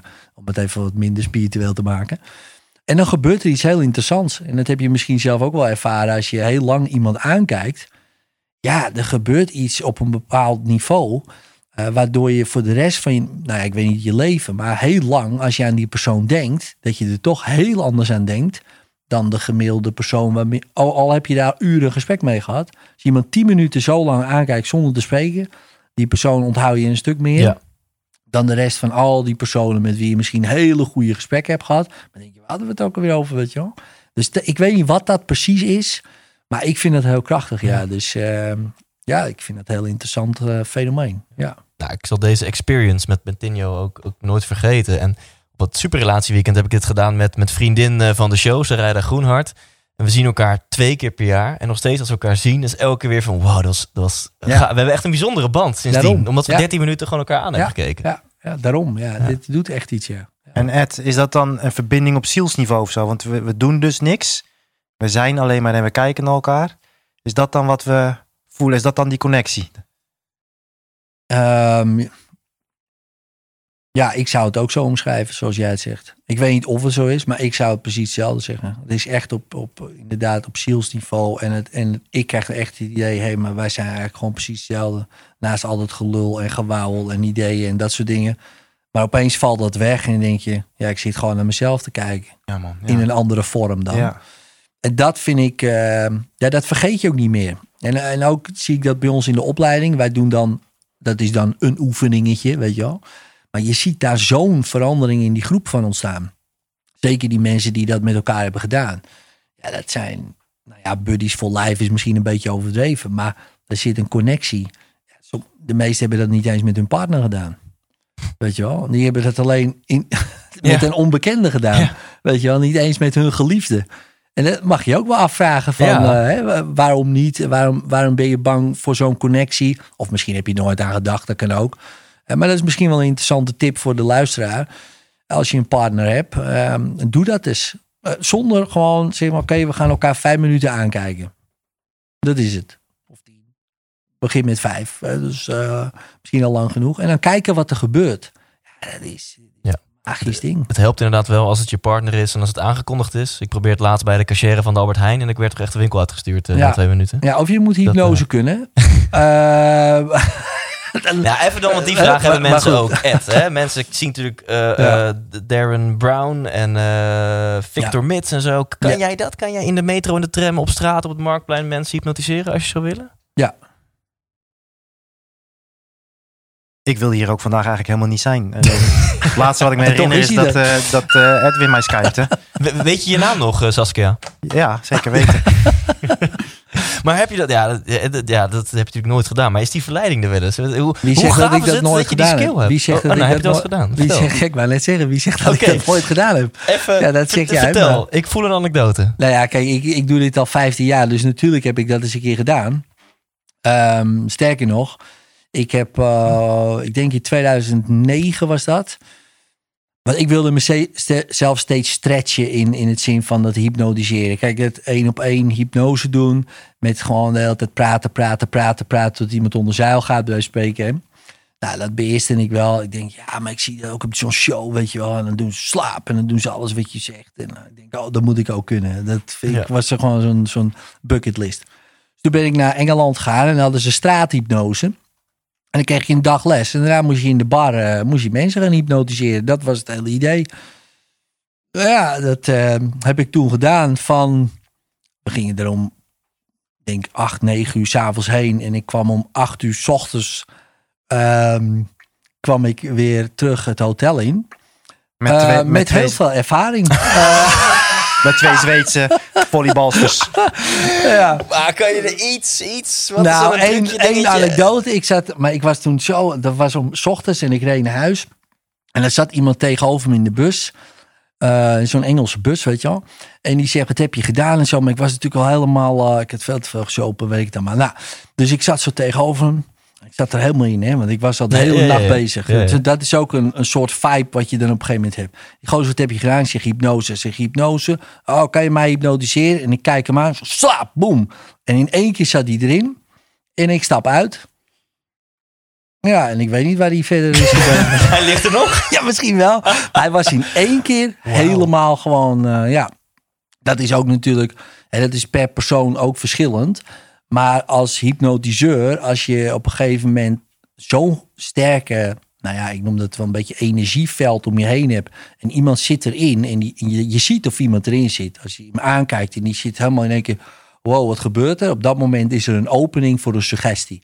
Deze suggestie was in één keer een shockinductie. Ja. Ehm, ja, en die zat, lag meteen zo op, eh, half op de grond. En ik dacht, ja, ik moet er hier wel uit. Dus eh, ja, eh, het boeit me niet. Ehm, ik ga weg. Dus, dat, Ja. dus ja, dus antwoord op je vraag heb ik zeker gedaan. Ehm, later ben ik ook wel shows gaan geven. Weet je wel, voor, eh, ja, op universiteiten, ook voor psychologie studenten en weet ik het allemaal. En die willen, vinden dat dan leuk, zo'n show. Ja, en het is geniaal wat er kan gebeuren. Hè. Dus je kan op Ja. suggestie iemand verliefd op je laten worden. Hè, zo van als, ik, eh, als je me een hand geeft, ben je stapel verliefd op me. Boom. En het gebeurt meteen. Maar ook andersom, hetzelfde meisje, als je me nu een hand geeft, dan ben, ik de meest walgelijke persoon die je ooit hebt gezien. Die ging bijna over de nek. Maar in vijf seconden. Dus dan zie je zo'n psychologiezaal, hè, studentenzaal. En dan zeg ik, ja, dit is nu dus wat er op suggestie kan gebeuren. Ja. Dus verliefdheid, ja, wat betekent dat dus? Prachtig bruggetje. Over verliefdheid gesproken. Ja. Ene Guus heeft een vraag ingestuurd. En ik, ik weet, tegenover zit een man die heeft een waanzinnige theorie over eilanden en boten. En die wil ik zo meteen horen. Oh. Maar ik ben dan eerst benieuwd naar, naar, naar Richard, wat hij hierover te zeggen heeft. Guus die vraagt, wat doe je als vrijgezelle man zonder relatie? Op zich meestal als je vrijgezel bent, heb je inderdaad geen relatie. Ehm, wel of niet op zoek? En zo ja, hoe? Wat is jouw visie erop? Ja, ik denk dat we deel kunnen samenvatten wat afgelopen uur langskomt. Eh werk altijd aan jezelf qua zelfzorg. Werk aan je kernwaarden. Eh, maar uiteindelijk is het altijd ook voor mij eh, het, een balans tussen zoeken of zelf sturen en overgave. Ik had een afspraak op de Nijrode Universiteit met pro- professor Paul de Bloo. Helaas overleden afgelopen jaar. En die had op zijn werkkamer, op zijn bord, de quote: Ik kan het beste niet kiezen, het beste kiest mij. Ehm, dus ik denk als je te geforceerd zoekt, eh, dat je het ook van je afduwt. Eh, dus het is een, een optimumpunt van ehm, misschien ook helder hebben eh, wie je zoekt of welke kernwaarden of wat je belangrijk vindt in een vrouw, wat je belangrijk vindt in een relatie, goed voor jezelf zorgen. Maar ook een stukje overgave. dat Alles heeft een juiste tijd ju- eh, en, en een juiste, juiste plaats, juiste tijd. Ja. Eh, en als je te veel najaagt, is net als geld of net als het mooiste meisje in de klas. Het is super onaantrekkelijk om erachteraan te jagen. Ze lopen van je weg. Ja. Geld, eh, het, mooiste meisje. Maar zoals Tibor zeggen, denk ik, als jij de prijs bent en als je, dus als je een bepaalde aantrekkingskracht ontwikkelt, dan komt het naar je toe. Geld, het mooiste meisje. Eh, dus het is eh, denk ik een balanspunt tussen helder hebben wat je zoekt. Eh, daar wel proactief stappen in nemen, maar ook ervoor openstaan dat het naar jou toe kan komen. En dat, dat daar in het universum, denk ik, een, een optimumpunt is dat het gebeurt. Ja, dus je zegt hoofdzakelijk investeren in jezelf. Zorg ervoor dat je de prijs bent. Dat je gewoon super aantrekkelijk bent. Ja. Aan de andere kant kun je ook zeggen, ja, eh, niks in het leven komt vanzelf. Je mag ook best wel sociaal gerelateerde dingen een projectmatige aanpak geven. En kan je misschien het niet gewoon een projectmatige aanpak geven om een vrouw te vinden en lekker veel te tinderen en lekker veel de kroeg in te gaan en gewoon lekker veel te daten, want in beweging vind je antwoorden. Ja, ik denk dat alles in het leven vanzelf komt als jij de, de deur opent. Dus jij de optimale voor- voorwaarden creëert zodat het naar je toe kan komen. En misschien ook een beetje spiritueel antwoord, maar het is ook een beetje vanuit mezelf. Alles wat ik in mijn leven bijna heb willen creëren is mislukt. Of het merendeel, maar wat er op mijn pad gekomen is en wat ik aangepakt heb, heel veel daarvan, ook in mijn bedrijf, in mijn onderneming, is gelukt. Ja. Eh, dus, dus ik geloof heel erg in wel helder hebben wat je wil, maar vooral een stuk overgave en daarin wel proactief stappen blijven nemen. Ja, dus hoor ik dat je hierin eigenlijk zegt, het is meer energetisch dan praktisch. Dus de, de relevante variabele is, sta je er energetisch voor open, dan dat de relevante variabele is of je praktisch gezien erop uitgaat om iemand te Zeker, vinden. maar het hele leven is een, is een energetisch spel. Wij zijn ook energetische lichtwezens. Misschien moet ik daar een een andere podcast over maken. Maar alles is, Ja. is een energetisch spel. Eh, en je trekt bepaalde dingen aan. Ik bedoel, we leven in een veld van onbegrensde mogelijkheden. En dat hangt heel erg uh, samen met je perceptie, met je conditionering, met je bewustzijn, maar ook met je zelfzorg. Uh, en, en daarin uh, trek je bepaalde dingen aan en stoot Ja. je dingen af. Dus ja, een lang antwoord op je vraag. Maar zeker, wederom, heb helder wat je belangrijk vindt. Investeer in, je, in jezelf. Ga op zoek, maar sta, sta ook open. Ja. Nou, ik vind dat om even een beetje een zelfvervlekking te doen tof aan, aan dit kwartet wij met z'n vieren. Dat we en ergens hele spirituele levensvisies hebben. Uh, maar dat ook gewoon vertalen naar de praktijk, naar, naar praktische dingen. Want wat voor je het weet, ja, dan kan je met z'n allen het hebben over alles is liefde en licht. Maar dat kan je ook niet meer afrekenen bij de Albert Heijn. En als we het dan over een praktische vertaling, dan wend ik me even tot jouw buurman. Uh, en, en ik weet dat jij op dit gebied een waanzinnig, vind ik, een waanzinnig krachtige metafoor hebt over eilanden en boten. Uh, zou je die misschien willen delen met de mensen, Tibor Oggers? Ja, dat ga ik doen. En dan zal je ook ontdekken dat wat Richard op spiritueel niveau zegt en wat ik nu ga vertellen op aardsniveau, dat dat gewoon in elkaar uh, overloopt. Het is maar een metafoor en de metaforen zijn ontzettend nuttig als je complexe thema's uh, bespreekbaar wil maken en over van gedachten wil wisselen. Maar het blijft een metafoor, hè? dus verlies jezelf niet in ja maar, bij een boot zit het zo. Um, de metafoor is als volgt. Vrouwen zijn boten, mannen zijn eilanden. Um, het enige wat ik nu eventjes zeg, ik ga Guus' vraag beantwoorden over de vrouwen, boten. Uh, het is moeder natuur, de natuur is vrouwelijk. En wat doet de natuur? Selecteren. Dat is de taak van de natuur. Dus het is, de, het is het vrouwelijke dat selecteert. Het is het vrouwelijke dat rondvaart over die oneindige stroom van, uh, van hun energie. Waarom wij mannen ook zo moeilijk naar vrouwen kunnen luisteren, want het, er zit geen richting in. Dus uh, dat, is het, dat is een van de vers verschillen. Maar het zijn die boten die, de, die het eiland uiteindelijk selecteren. En um, ja, waar selecteren ze dan op? Om het weer eventjes plat te slaan. Want het is natuurlijk heel mooi van ja, wees vooral jezelf. En dan, uh, dan, dan komt het mooiste meisje naar je toe. Ja, helaas, uh, als we kijken naar de statistieken, is dat niet zo. Uh, is het gewoon heel duidelijk kun je zien waar het vrouwelijke, het volwassen vrouwelijke zich tot toe aangetrokken voelt. En dat is ten eerste richting. Um, en richting die ook geld oplevert. Dus ik sla hem echt gewoon helemaal plat de, wat we uit de, uit de data halen. Dus een man zonder geld met richting is aantrekkelijker dan een man met geld zonder richting. Maar een man met richting en geld, dus hij heeft een missie. Hij is, uh, Bojan, hij is de oceaan aan het schoonmaken en hij uh, verdient er ook nog eens heel veel geld mee. Hij is aan het zorgen dat mensen eh, hun ouderwetse patronen doorbreken en hun eigen pad gaan bewandelen. En hij verdient er ook nog veel geld mee. Dus hij heeft een missie, hij heeft richting en hij is er financieel succesvol mee. Man, dat levert mijn partij aantrekkingskracht op bij het vrouwelijke. Hetzelfde geldt voor uh, sociaal leven. Als jij man bent en je bent een leider voor andere mannen. En dat, en dat hoef je niet heel groot te maken. Dus je bent lid van de lokale badmintonclub. En daar, voor dat clubje ben jij een leider. Als er wat is, dan komen ze naar jou toe. En je bent ook aantrekkelijk voor andere vrouwen. Dus dit is ook weer wetenschappelijk onderzoek. Dan, dan ben je dus ontzettend. Dat wekt nieuwe aantrekkingskracht op bij het vrouwelijke. Dus als, een, als jij aankomt lopen met een aantrekkelijke vrouw naast je, wat gewoon je zus is, whatever. Um, dan ben je dus, en je komt aan bij een terrasje, dan ben je voor de dames op dat terrasje al aantrekkelijker. Waarom? Hun taak is natuurlijke selectie. En als een aantrekkelijke vrouw jou heeft geselecteerd, dan zal dat dus blijkbaar wel een, reden toe zijn. Nou, dus je ziet, het, het, het, loopt in elkaar over, het spirituele en het aardse. Mijn antwoord op Guus is, volgens mij eh, probeert de natuur ons iets duidelijk te maken met corona. Um, er zijn twee dingen die we nu moeten doen. We moeten uh, binnen blijven en we moeten afstand creëren. En uh, ik denk dat de natuur tegen ons aan het gillen is. Het heeft een heleboel hints gegeven van jongens, luister nou. We hebben een hele tijd niet geluisterd. Nou, dan gaat de natuur gillen met ziekte en dat gebeurt nu natuurlijke selectie. Medogeloos, wat er nu uh, op dit moment gebeurt. Ik vind het prachtig uh, in, in een bepaalde manier. Maar wat is nou de boodschap van het universum? Ga nou eens naar binnen, jongens. En creëer eens wat afstand. Zoom eens uit. Kijk eens wat het er doet. En wees eens alleen. Alleen maar met, je, met jezelf.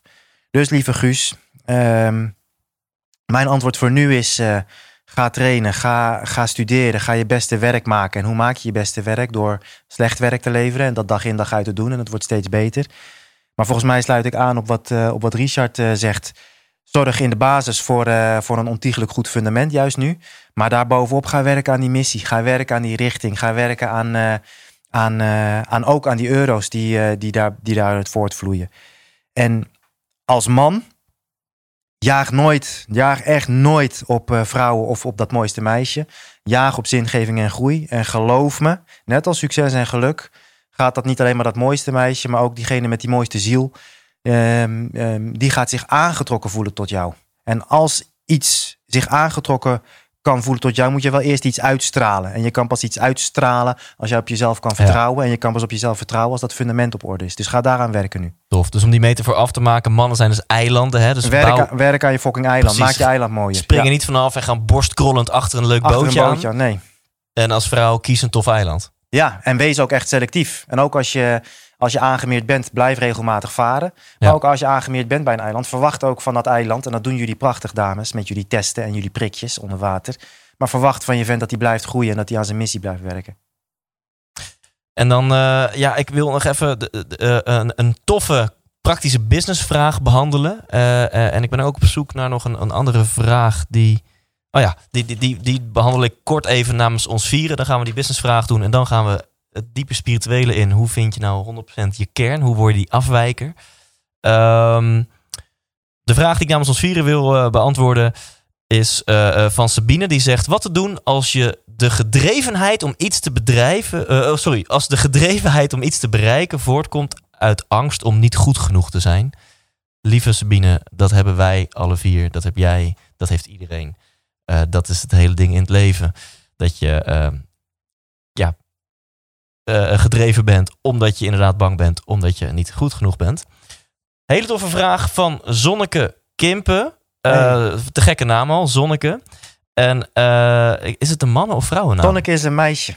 Oh, jij, jij kent... ja, de, de dochter van Christine. Nou, en zij zegt... Hey. Ik ben 17.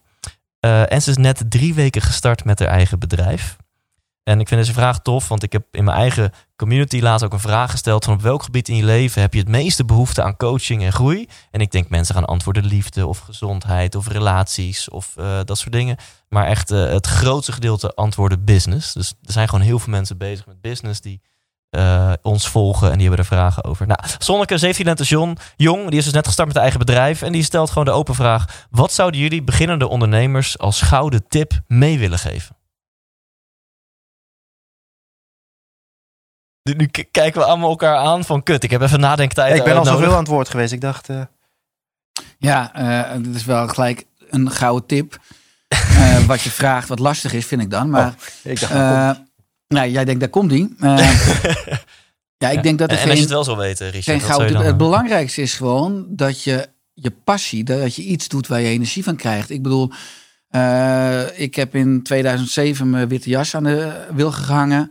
Uh, de eerste jaren van mijn onderneming, nou, dat was meer bijna een filantropische instelling, een hobby. Uh, mijn financieel bureau zei jaren, Richard, ben je in godsnaam mee bezig? Ga nou een keer, ga in loondienst. Maar het was iets waar ik enorm veel energie van kreeg. En natuurlijk begreep ik op lange termijn ook wel, ik was toen nog jonger, dat het, het financiële energiemanagement niet klopte.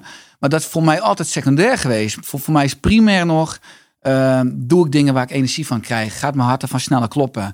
Uh, kan ik iets bijdragen aan het grotere geheel? Kan ik, je kan mij s'nachts wakker maken om te studeren, om, om, om aan mensen iets te kunnen presenteren.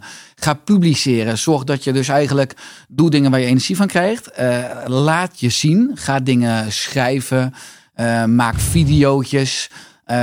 ga bouwen aan een nieuwsbrieflijst. Hè. Veel mensen die bouwen aan volgers op Facebook, maar die kan bij spreken morgen stoppen. Maar zorg voor een nieuwsbrieflijst. Uh, dat is werkelijk ook, ook mijn goud.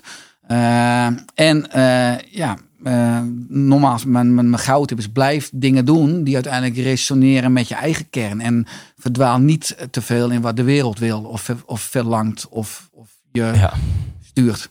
Mooi. Uh, ik, ik ga hem van je overpakken en dan, uh, dan andere, andere twee heren ook uh, geven. Ik ga een heel cliché antwoord geven. En um, uiteindelijk, Zonneke, sorry, maar moet je ook gewoon zelf op je bek gaan en, en hierachter komen. Maar als de volgende, zorg ervoor dat je business je ideale levensstijl faciliteert. In plaats van, en hier spreekt een ervaringsdeskundige, exact andersom. Dat je levensstijl aan alle kanten leidt. Qua gezondheid, qua relaties, qua uh, verbinding met jezelf onder je business. Um, dat is wat mij betreft de nummer één gouden ondernemerstip. En al het andere praktische, dat leer je wel door eh, te gaan naar uh, seminars uh, van buitengewoon leiderschap tot internetmarketingachtige seminars. Ed, voor Zonneke, gouden tip. Ja, ga op zoek naar de bleeding neck. Dus met andere woorden, wat is het grootste probleem van iemand?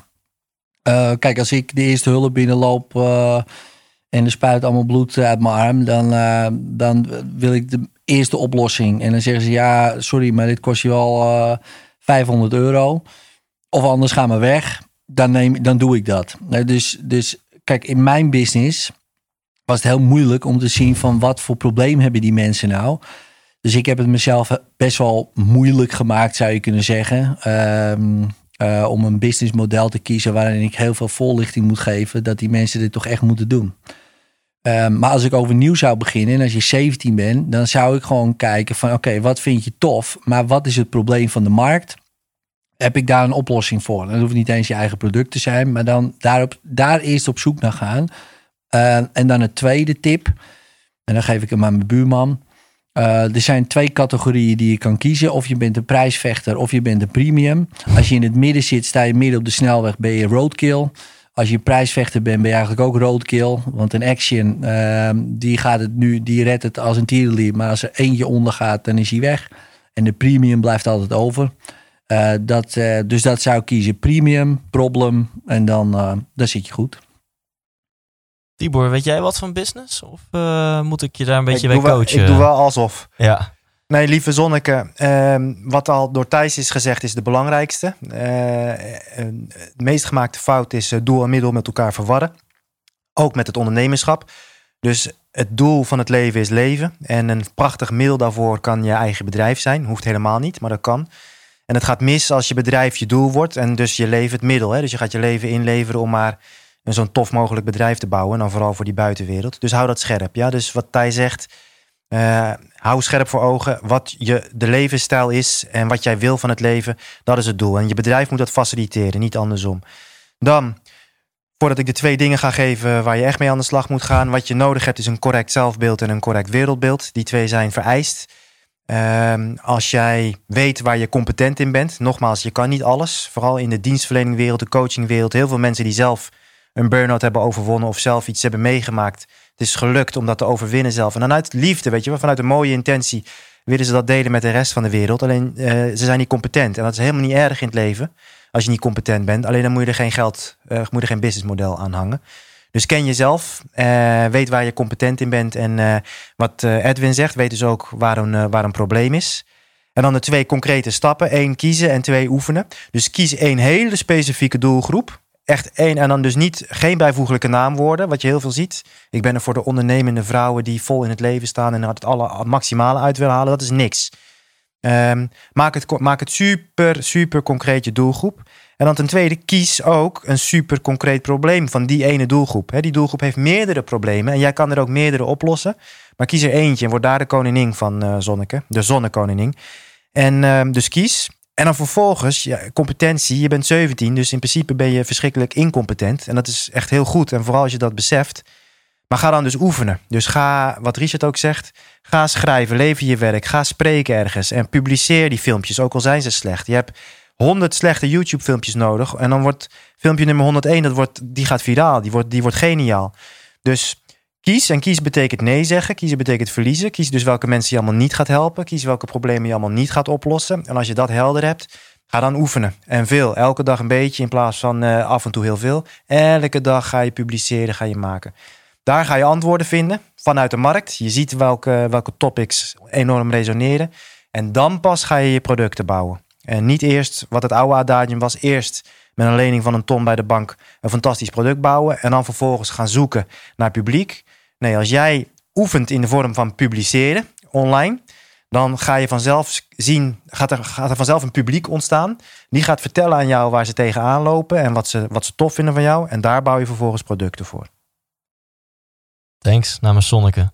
Dan de, de laatste vraag, het laatste topic wat ik met jullie wil bespreken. En ik probeer dit vanuit mijn tenen te introduceren.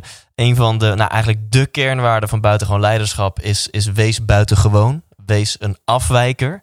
Uh, ik zou zeggen, wees 100% fucking jij. eigenlijk is het zo moeilijk allemaal niet in het leven. Als je gewoon leeft wie je in de kern bent, is het niet zo moeilijk om gelukkig te zijn. Daarom vind ik de term ontwikkeling ook heel mooi. Want je, je wordt puur geboren uh, als 100% fucking jij. Maar er komen wikkels omheen. Oh, dit mag niet van papa. Oh, maar als ik dat doe, dan krijg ik aandacht en erkenning. Dan gaan mensen lachen. Oh, en hier een trauma. En hier dit en dat. Voor je het weet heb je zoveel wikkels om je kern gewikkeld.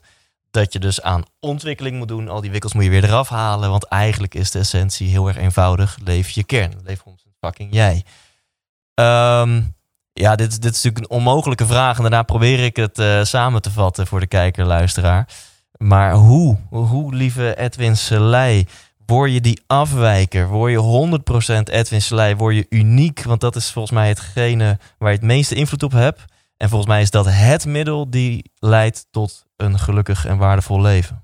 Ja, dus uh, dat is een uh, interessante filosofische vraag. Want het is de vraag: wie, wie ben jij? En die hebben we ook wel eens in de opleiding gesteld aan mensen. En dan zeggen ze. Het grappige is dat de meeste mensen dan zeggen hoe ze heten.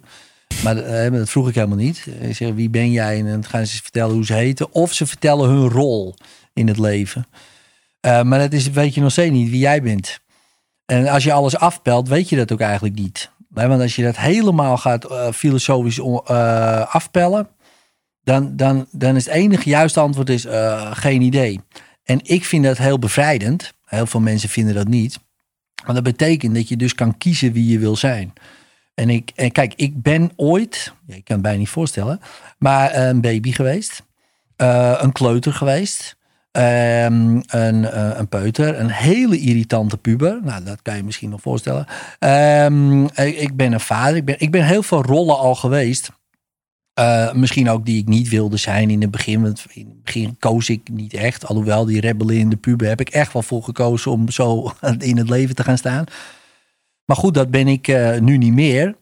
Uh, ik ben een junk geweest, zou je kunnen zeggen. Een verslaafde, ben ik ook niet meer. Dus ik, ik heb me steeds zelf gekozen wie ik wil zijn. Dus nu wil ik, um, zeggen, iemand zijn die inspireert. Dus inspireert op een podcast, op een blog, maar ook naar mijn kinderen, bij mijn vrouw. Weet je, ik, zo wil ik zijn. Dus nu zou je kunnen zijn, nu ben ik een inspirator. Is dat 100% fucking jij? Ja, dat is het nu, op dit moment. Ja. Maar over tien jaar ben ik misschien wel uh, een spirituele heler. Zou ik zomaar kunnen. Dat idee. Dus dan is dat mijn 100% vakkie. Ja, dan zou ik precies dezelfde vraag stellen. Ik zeg, ja jongen, ik ben helemaal dat. En over 10 jaar ben ik misschien de Benidorm bastard. Hè, over, eh, op 80. Want dat zit ook in mijn hoofd. Dat wil ik ook worden.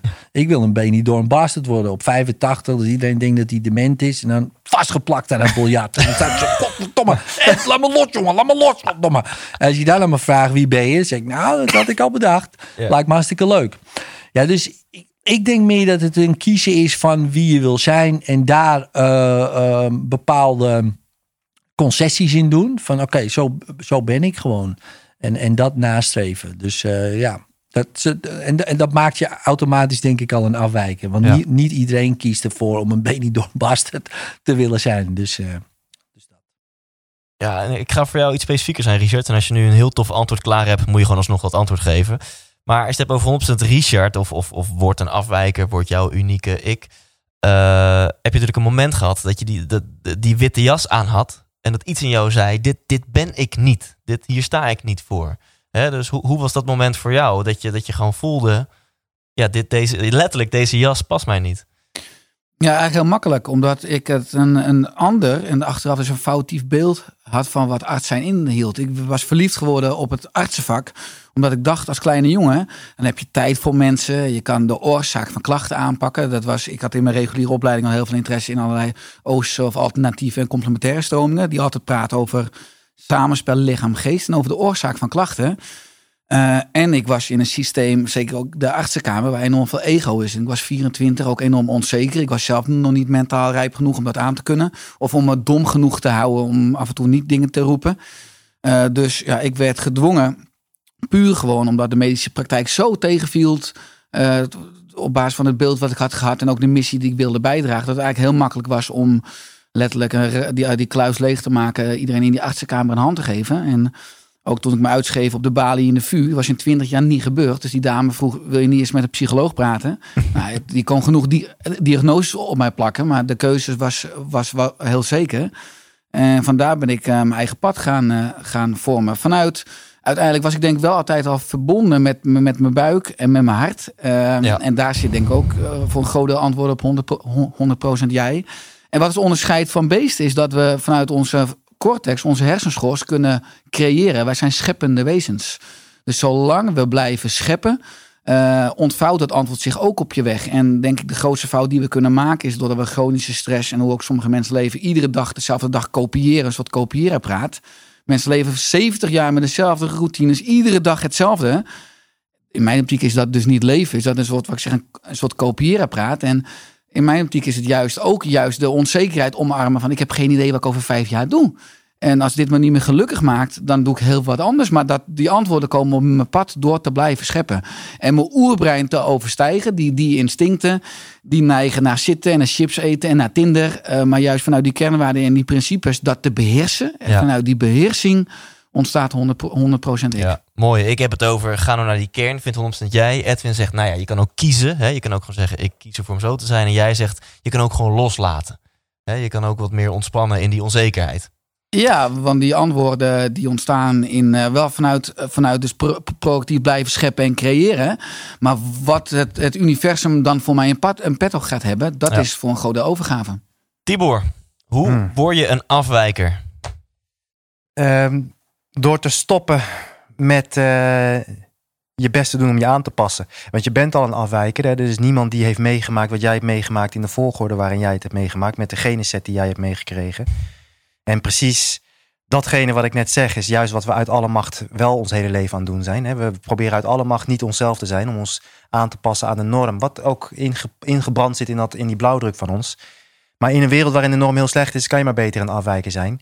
En wat ook heel belangrijk is om te beseffen, dat als jij een verschil wil maken in het leven, dat kan alleen maar als je afwijkt, hè, per definitie.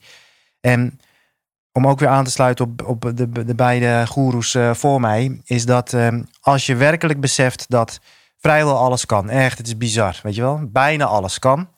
Maar als je ook tegelijkertijd deze tweede waarheid beseft, dat niks ertoe doet. Weet je wel, over honderd jaar weet helemaal nobody meer wie jij bent of bent geweest. Helemaal niemand meer. Je bent hier een flits en eh, voor jou zijn miljarden mensen dood gegaan. Na jou gaan miljarden mensen dood. Jij gaat ook dood veel sneller dan dat je denkt. Dus het, het doet er allemaal helemaal niks toe. Vrijwel alles kan. Het doet er allemaal helemaal niet toe. Als je die twee waarheden omarmt, dan ontstaat er dus ruimte voor zingeving. En wat is zingeving? Zingeving is kiezen, wat beide heren hebben gezegd, waar jij, aan welk gedoe jij in het leven zin gaat geven. En wij leven dus nu in een maatschappij waar we eh, gedoe voor afschuwen. We willen swipen, swappen en, en tikken, eh, zodat we geen gedoe hebben. We vermijden lastige zaken. En daardoor eindigen we met een leven dat dus niet meer de moeite waard is. Dus ik sluit me aan bij, eh, bij de woorden van, van Richard. Kies, en, en van Edwin, kies je eigen gedoe. Beseffende, alles kan, niks doet ertoe. Oh ja, nou ja, laat ik dan eens wat dingen kiezen die mijn leven, het lijden wat ik, hè, mijn hart dat gaat breken, de tegenslagen die ik ga, ga ervaren, die dat zin gaan geven. En dan vervolgens, ik kom weer terug op oefen. Gewoon, dus, eh oefen, dus kies wie je wilt zijn, wat, eh, wat Edwin zegt. Nu, weet je wel, inderdaad, over vijf jaar is eh, waarschijnlijk Edwin eh, go-go-danser en ik, eh, en, ik, eh, en ik misschien wel zijn achtergrondzangeres. Dat zou wel kunnen, je weet het allemaal niet. Maar kies nu wie je wilt zijn en oefen dat. Oefen dat. En, en besef dat het leven dat je, dat je nu leeft, het aan, de aangepaste versie en het leven dat je zou kunnen leven, oftewel die 100% fucking jij. Het enige verschil daartussen, dat ben jij ook. Amen. Ja, hoe moet ik dit afsluiten, jongens? Eh, heb lef, heb lief, leef intens of zo. En, en iedereen die dit ziet of hoort, eh, wil ik gewoon eh, keihard uitnodigen om ons live te komen zien tijdens buitengewoon Ja. leiderschap. En daar ga je hierna in de outro nog veel meer over horen. Dank jullie wel, heren. Thanks voor de Dank jullie wel. Heel veel Thanks. Thanks. Ja. 100% wijs! Ja, lief luisteraar of kijker, beter gezegd, hier op YouTube. Bedankt voor het kijken naar dit interview. Dit bijzondere gesprek wat ik met deze vier heren, inclusief mijzelf, heb gevoerd. Ehm, ja, ben je benieuwd naar meer? Wil je graag jou laten begeleiden? Wil je jezelf laten begeleiden door ons vieren in jouw persoonlijke zoektocht naar groei, naar zingeving? Dan eh, nodig ik je uit, namens deze drie heren natuurlijk ook, van harte voor buitengewoon leiderschap.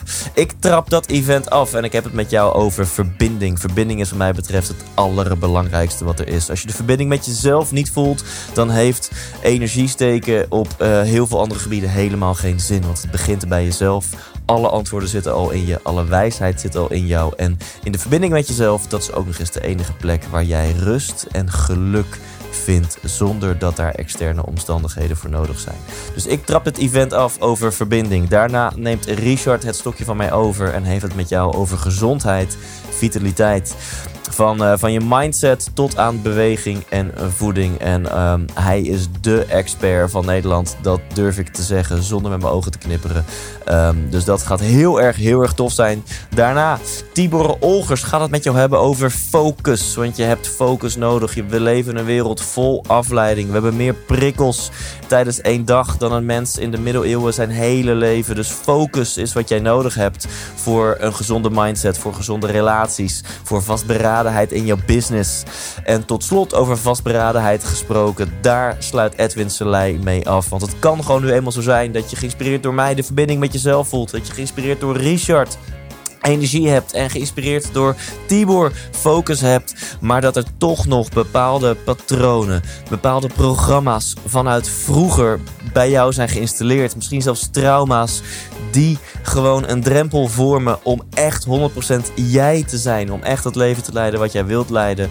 Ehm, en dat is verschrikkelijk en daar kan je wellicht niks aan doen.